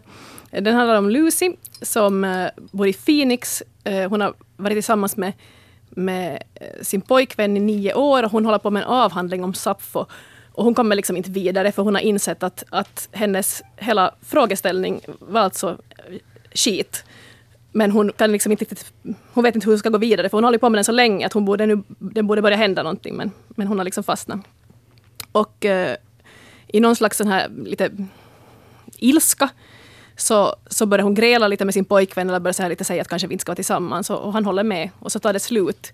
Fast hon då hade tänkt att hon kanske skulle få lite mothugg av honom. Och resultatet är att hon blir alltså helt besatt av den här pojkvännen som ganska snabbt hittar en ny flickvän och hon blir alltså helt galen helt enkelt. Eh, och eh, då föreslår hennes syster att hon ska komma och eh, vakta hennes hus i Venice Beach istället. Och dit åker hon och tar hand om systerns hund. Eh, Hon går terapi, det, det måste hon göra på grund av att hon har misshandlat sin före detta pojkvän och, och, och får det här liksom domstolen säger att hon måste gå i terapi. Eh, Men hon börjar också samtidigt eh, med Tinder och börjar liksom dejta, dejta män och, och träffa många konstiga typer. Och den är alltså riktigt, det är riktigt, riktigt, riktigt skräp litteratur. En sån här riktigt så här kiosklitteratur. Men den är de facto ganska underhållande och den är lite ovanlig på det sättet att, att den är ganska äcklig. Eh, så här. Och det brukar inte den här typen av, av litteratur vara, utan det brukar vara ganska sådär lättuggat. Men här finns alltså helt crazyga scener där hon till exempel berättar om hur hon förbereder sig för att ha analsex med en av sina Tinder-dejter som har föreslått att de ska ha det. Det känns jätteotippat, för det är liksom så långt ifrån Harlekin, samtidigt som det är bara Harlekin. Nej, jag håller inte alls med om din kategorisering. Nej, alltså har ni läst So Sad Today? Nej. Det, och den här flickan, flickan, kvinnan, Melissa Broder, så hon blev känd via ett Twitterkonto som heter då So Sad Today. Och där skrev hon om sin, sina depressioner och mentala ohälsa och sitt sexmissbruk. Och, och sen kom ut den här So Sad Today som är baserad på hennes Twitter. Och Ida och jag läste den. Vi blev helt vi börjar älska henne så mycket. Och jag tror att det är rätt väg att komma in i den här boken. För att det är väldigt mycket samma person som nu figurerar i den. Och därför, jag tror det är rätt väg. För det här är inte Harlekin, det här är motsatsen till Harlekin. Nej, det här är ju en, en djup liksom betraktelse av samtiden och eh, uh, förvänta, den förväntade liksom, uh, performativa kvinnligheten. Och, men helt litterärt så är det ju nog Harlekin. Alltså den är ju ganska dåligt skriven. Nå, vi kan ju säga att... Lalalala. kan inte vi skylla det på översättningen? Alltså den här historien... Mm, det, det, jag, jag fick mycket fin behållning av det här när hon besöker eh, den här terapigruppen. Och alla som har varit i olika terapigrupper kanske kan känna igen sig hur man kategoriserar de andra, som ju alltid förstås är lite sämre än en själv. Eh, Det var väldigt spot on. Och um, helt enkelt den här, jag tycker att hela boken handlar, oj det tycker jag också, boken handlar om tomhet. Och hur du, hur du än fyller det där hålet inom dig, så går det inte. Och jag tycker att den beskriver det här jättefint. ja, alltså. God jul! Exakt. Men den är underhållande Men- och den är jättelättläst och den, är, eh, den funkar jättebra i badkaret. Vi säger så. Ska vi, ska vi ta snabbt, här står på min lista ännu att jag skulle måste prata om Rich Boy. Men jag är så trött nu, jag har inte kommit ihåg vart jag, någonting om den. Vem vill Den, prata den om var den? jättebra. Caroline Ringskog Ferranolis Rich Boy. Vem alla har läst den? Elin har läst den. Jo, jag har läst den. Jag har börjat på den. Jag har inte kommit helt, jag är inte färdig ännu. Uh, Carolina Ringskud Ferrada Noli, uh, Rich Boy. Det var så att vi ville tycka hemskt mycket om den för att vi älskar, vi, nu har Ida och jag blivit en och samma person. Uh, vi tycker hemskt mycket om En varg söker sin podd och hon är på något sätt en, en författare som man vill gilla, eller vi ville gilla. Och det handlar alltså om tre generationer av kvinnor och hur de kämpar med livet. God jul! Ska vi, ska vi, är det någon som vill säga någonting uh, initierat om den här boken? Uh, jag, jag vill bara säga att eh, jag tyckte jättemycket om hennes språk och hur hon um, skrev så här nästan Hemingwayeskt. Uh, väldigt rakt och sakligt utan så mycket beskrivande. Och att det i sig blev helt superbeskrivande. Att hon bara säger sen hände det, sen hände det. Mm. Det Alltså, var jag- jättestarkt. Ja, jag tyckte det tog ett tag att komma in i det där språket. För det är ju liksom, ja, liksom är ju till exempel ett ord som man använder ganska mycket av. Mm. Alltså det är väldigt så speciellt och inte liksom... Mm, jag vet inte hur jag ska uttrycka mig för att det ska bli rätt. Men, men jag, jag tyckte det var... Det tog ganska mycket av min uppmärksamhet i början av boken åtminstone. Men jag tycker att språket i början av boken, det tyckte jag mer om. Sen tycker jag att det förändras i och med de här nya generationerna. Jag älskade den första, Gur, hette hon Gurli, den här första kvinnans. Sen, sen så började jag tappa intresse, men de flesta tyckte om den här sista generationen. Som handlade om en eh, kvinna i nutiden, eller ja, vad är det, 90-tal? Det är nutid Ja, för mig. typ nutid. Ja. Ja. Och alla tampas de med dåliga män. och med livet. Ingen mår bra i den här boken överhuvudtaget. Det finns vissa scener som är jättestarka och som nog fastnar i mig. Och då, då tycker jag att det har varit bra. Mm. Men jag kan säga bara på basen av det jag har läst, att jag har upplevt både och. Alltså både ibland att jag tyckte det här språket lite fjärmar mig, för att jag tycker det är en blandning av Hemingways och lite pladdrigt, för att det är just det de här liksom och de här sakerna, men sen, samtidigt så är det, är det just så där väldigt, som du sa, lakoniskt på något sätt. Men, men jo, jag, jag tyckte också att det, det är någonting med det här att följa med hur, det är lite som att titta på en grekisk tragedi, alltså man bara förstår att det här blir inte bra. Men, men det är någonting intressant nog tycker jag, åtminstone till vissa delar i hur det, i hur det utforskas, den här på något vis lite ödesdigra känslan att så här, nej, nu, nu alla arvar bara sina trauman från sina tidigare generationer. Hej, vet ni vad? Att eh, nu ska vi berätta vilken lyssnarnas eh, favoritbok i år har blivit. Ja, ska vi berätta runner-ups och sen tar vi den här vinnaren? Ja, så gör vi. Karina Karlsson, Algot, är med på listan. Eh, Rymlingarna av Ulf Stark. Jaga vatten av Ellen Strömbergs nämns många gånger. Stina Wolter, Kring denna kropp. Mellanblad av Heidi von Wright. Eh, Kaikki nämä kuolleet silmät av Julin Slotte och Pauliina Pesonen. Totalskada av Helena von Zweig- Zweiberg och många, många andra. Vi uppmanar er att gå till det här dokument, alltså artikeln på svenska.yle.fi så får ni många bra litteraturtips. Jo, ni har läst massor i år. Jag vet, här var någon som hade läst 77 böcker i år. Det är säkert mer än vi. Nej, jag har läst mera. Mycket mera. Jag läser nu just medan jag pratar. Eh, Men vinnaren. Och då kan vi berätta. Att Det här är roligt. Det här är lite roligt. För det här är samma vinnare som vi hade i fjol. Da, da, da, da. Själarnas ö av Johanna Holmström. Alltså Oj. för andra året i rad eh, lyssnarnas favoritbok. Kul. Den pratade vi faktiskt om i fjol. Ja, ja. Väl vald. Vi ska börja att packa ihop våra böcker och eh, tacka för oss. Tack till alla gäster som har varit med idag. Vi har alltså, vi som har varit här i studion med er är Anne Hietanen och Ida Henriksson. Och vi vill tacka våra vänner som har läst med oss. Eh, Ylva Pereira, Ida-Lina Nyholm, Marit Lindqvist och eh, Kia Svetihin, Elin Willows och Anna Dönsberg.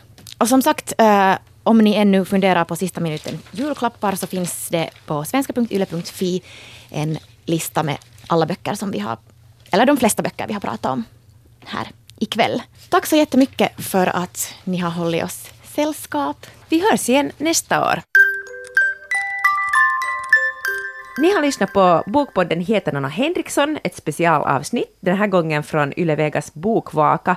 Vi är tillbaka nästa vecka, ännu med ett specialavsnitt och den gången kommer vi att få träffa ingen mindre än fantasydrottningen och drottningen Maria Tyrchaninov.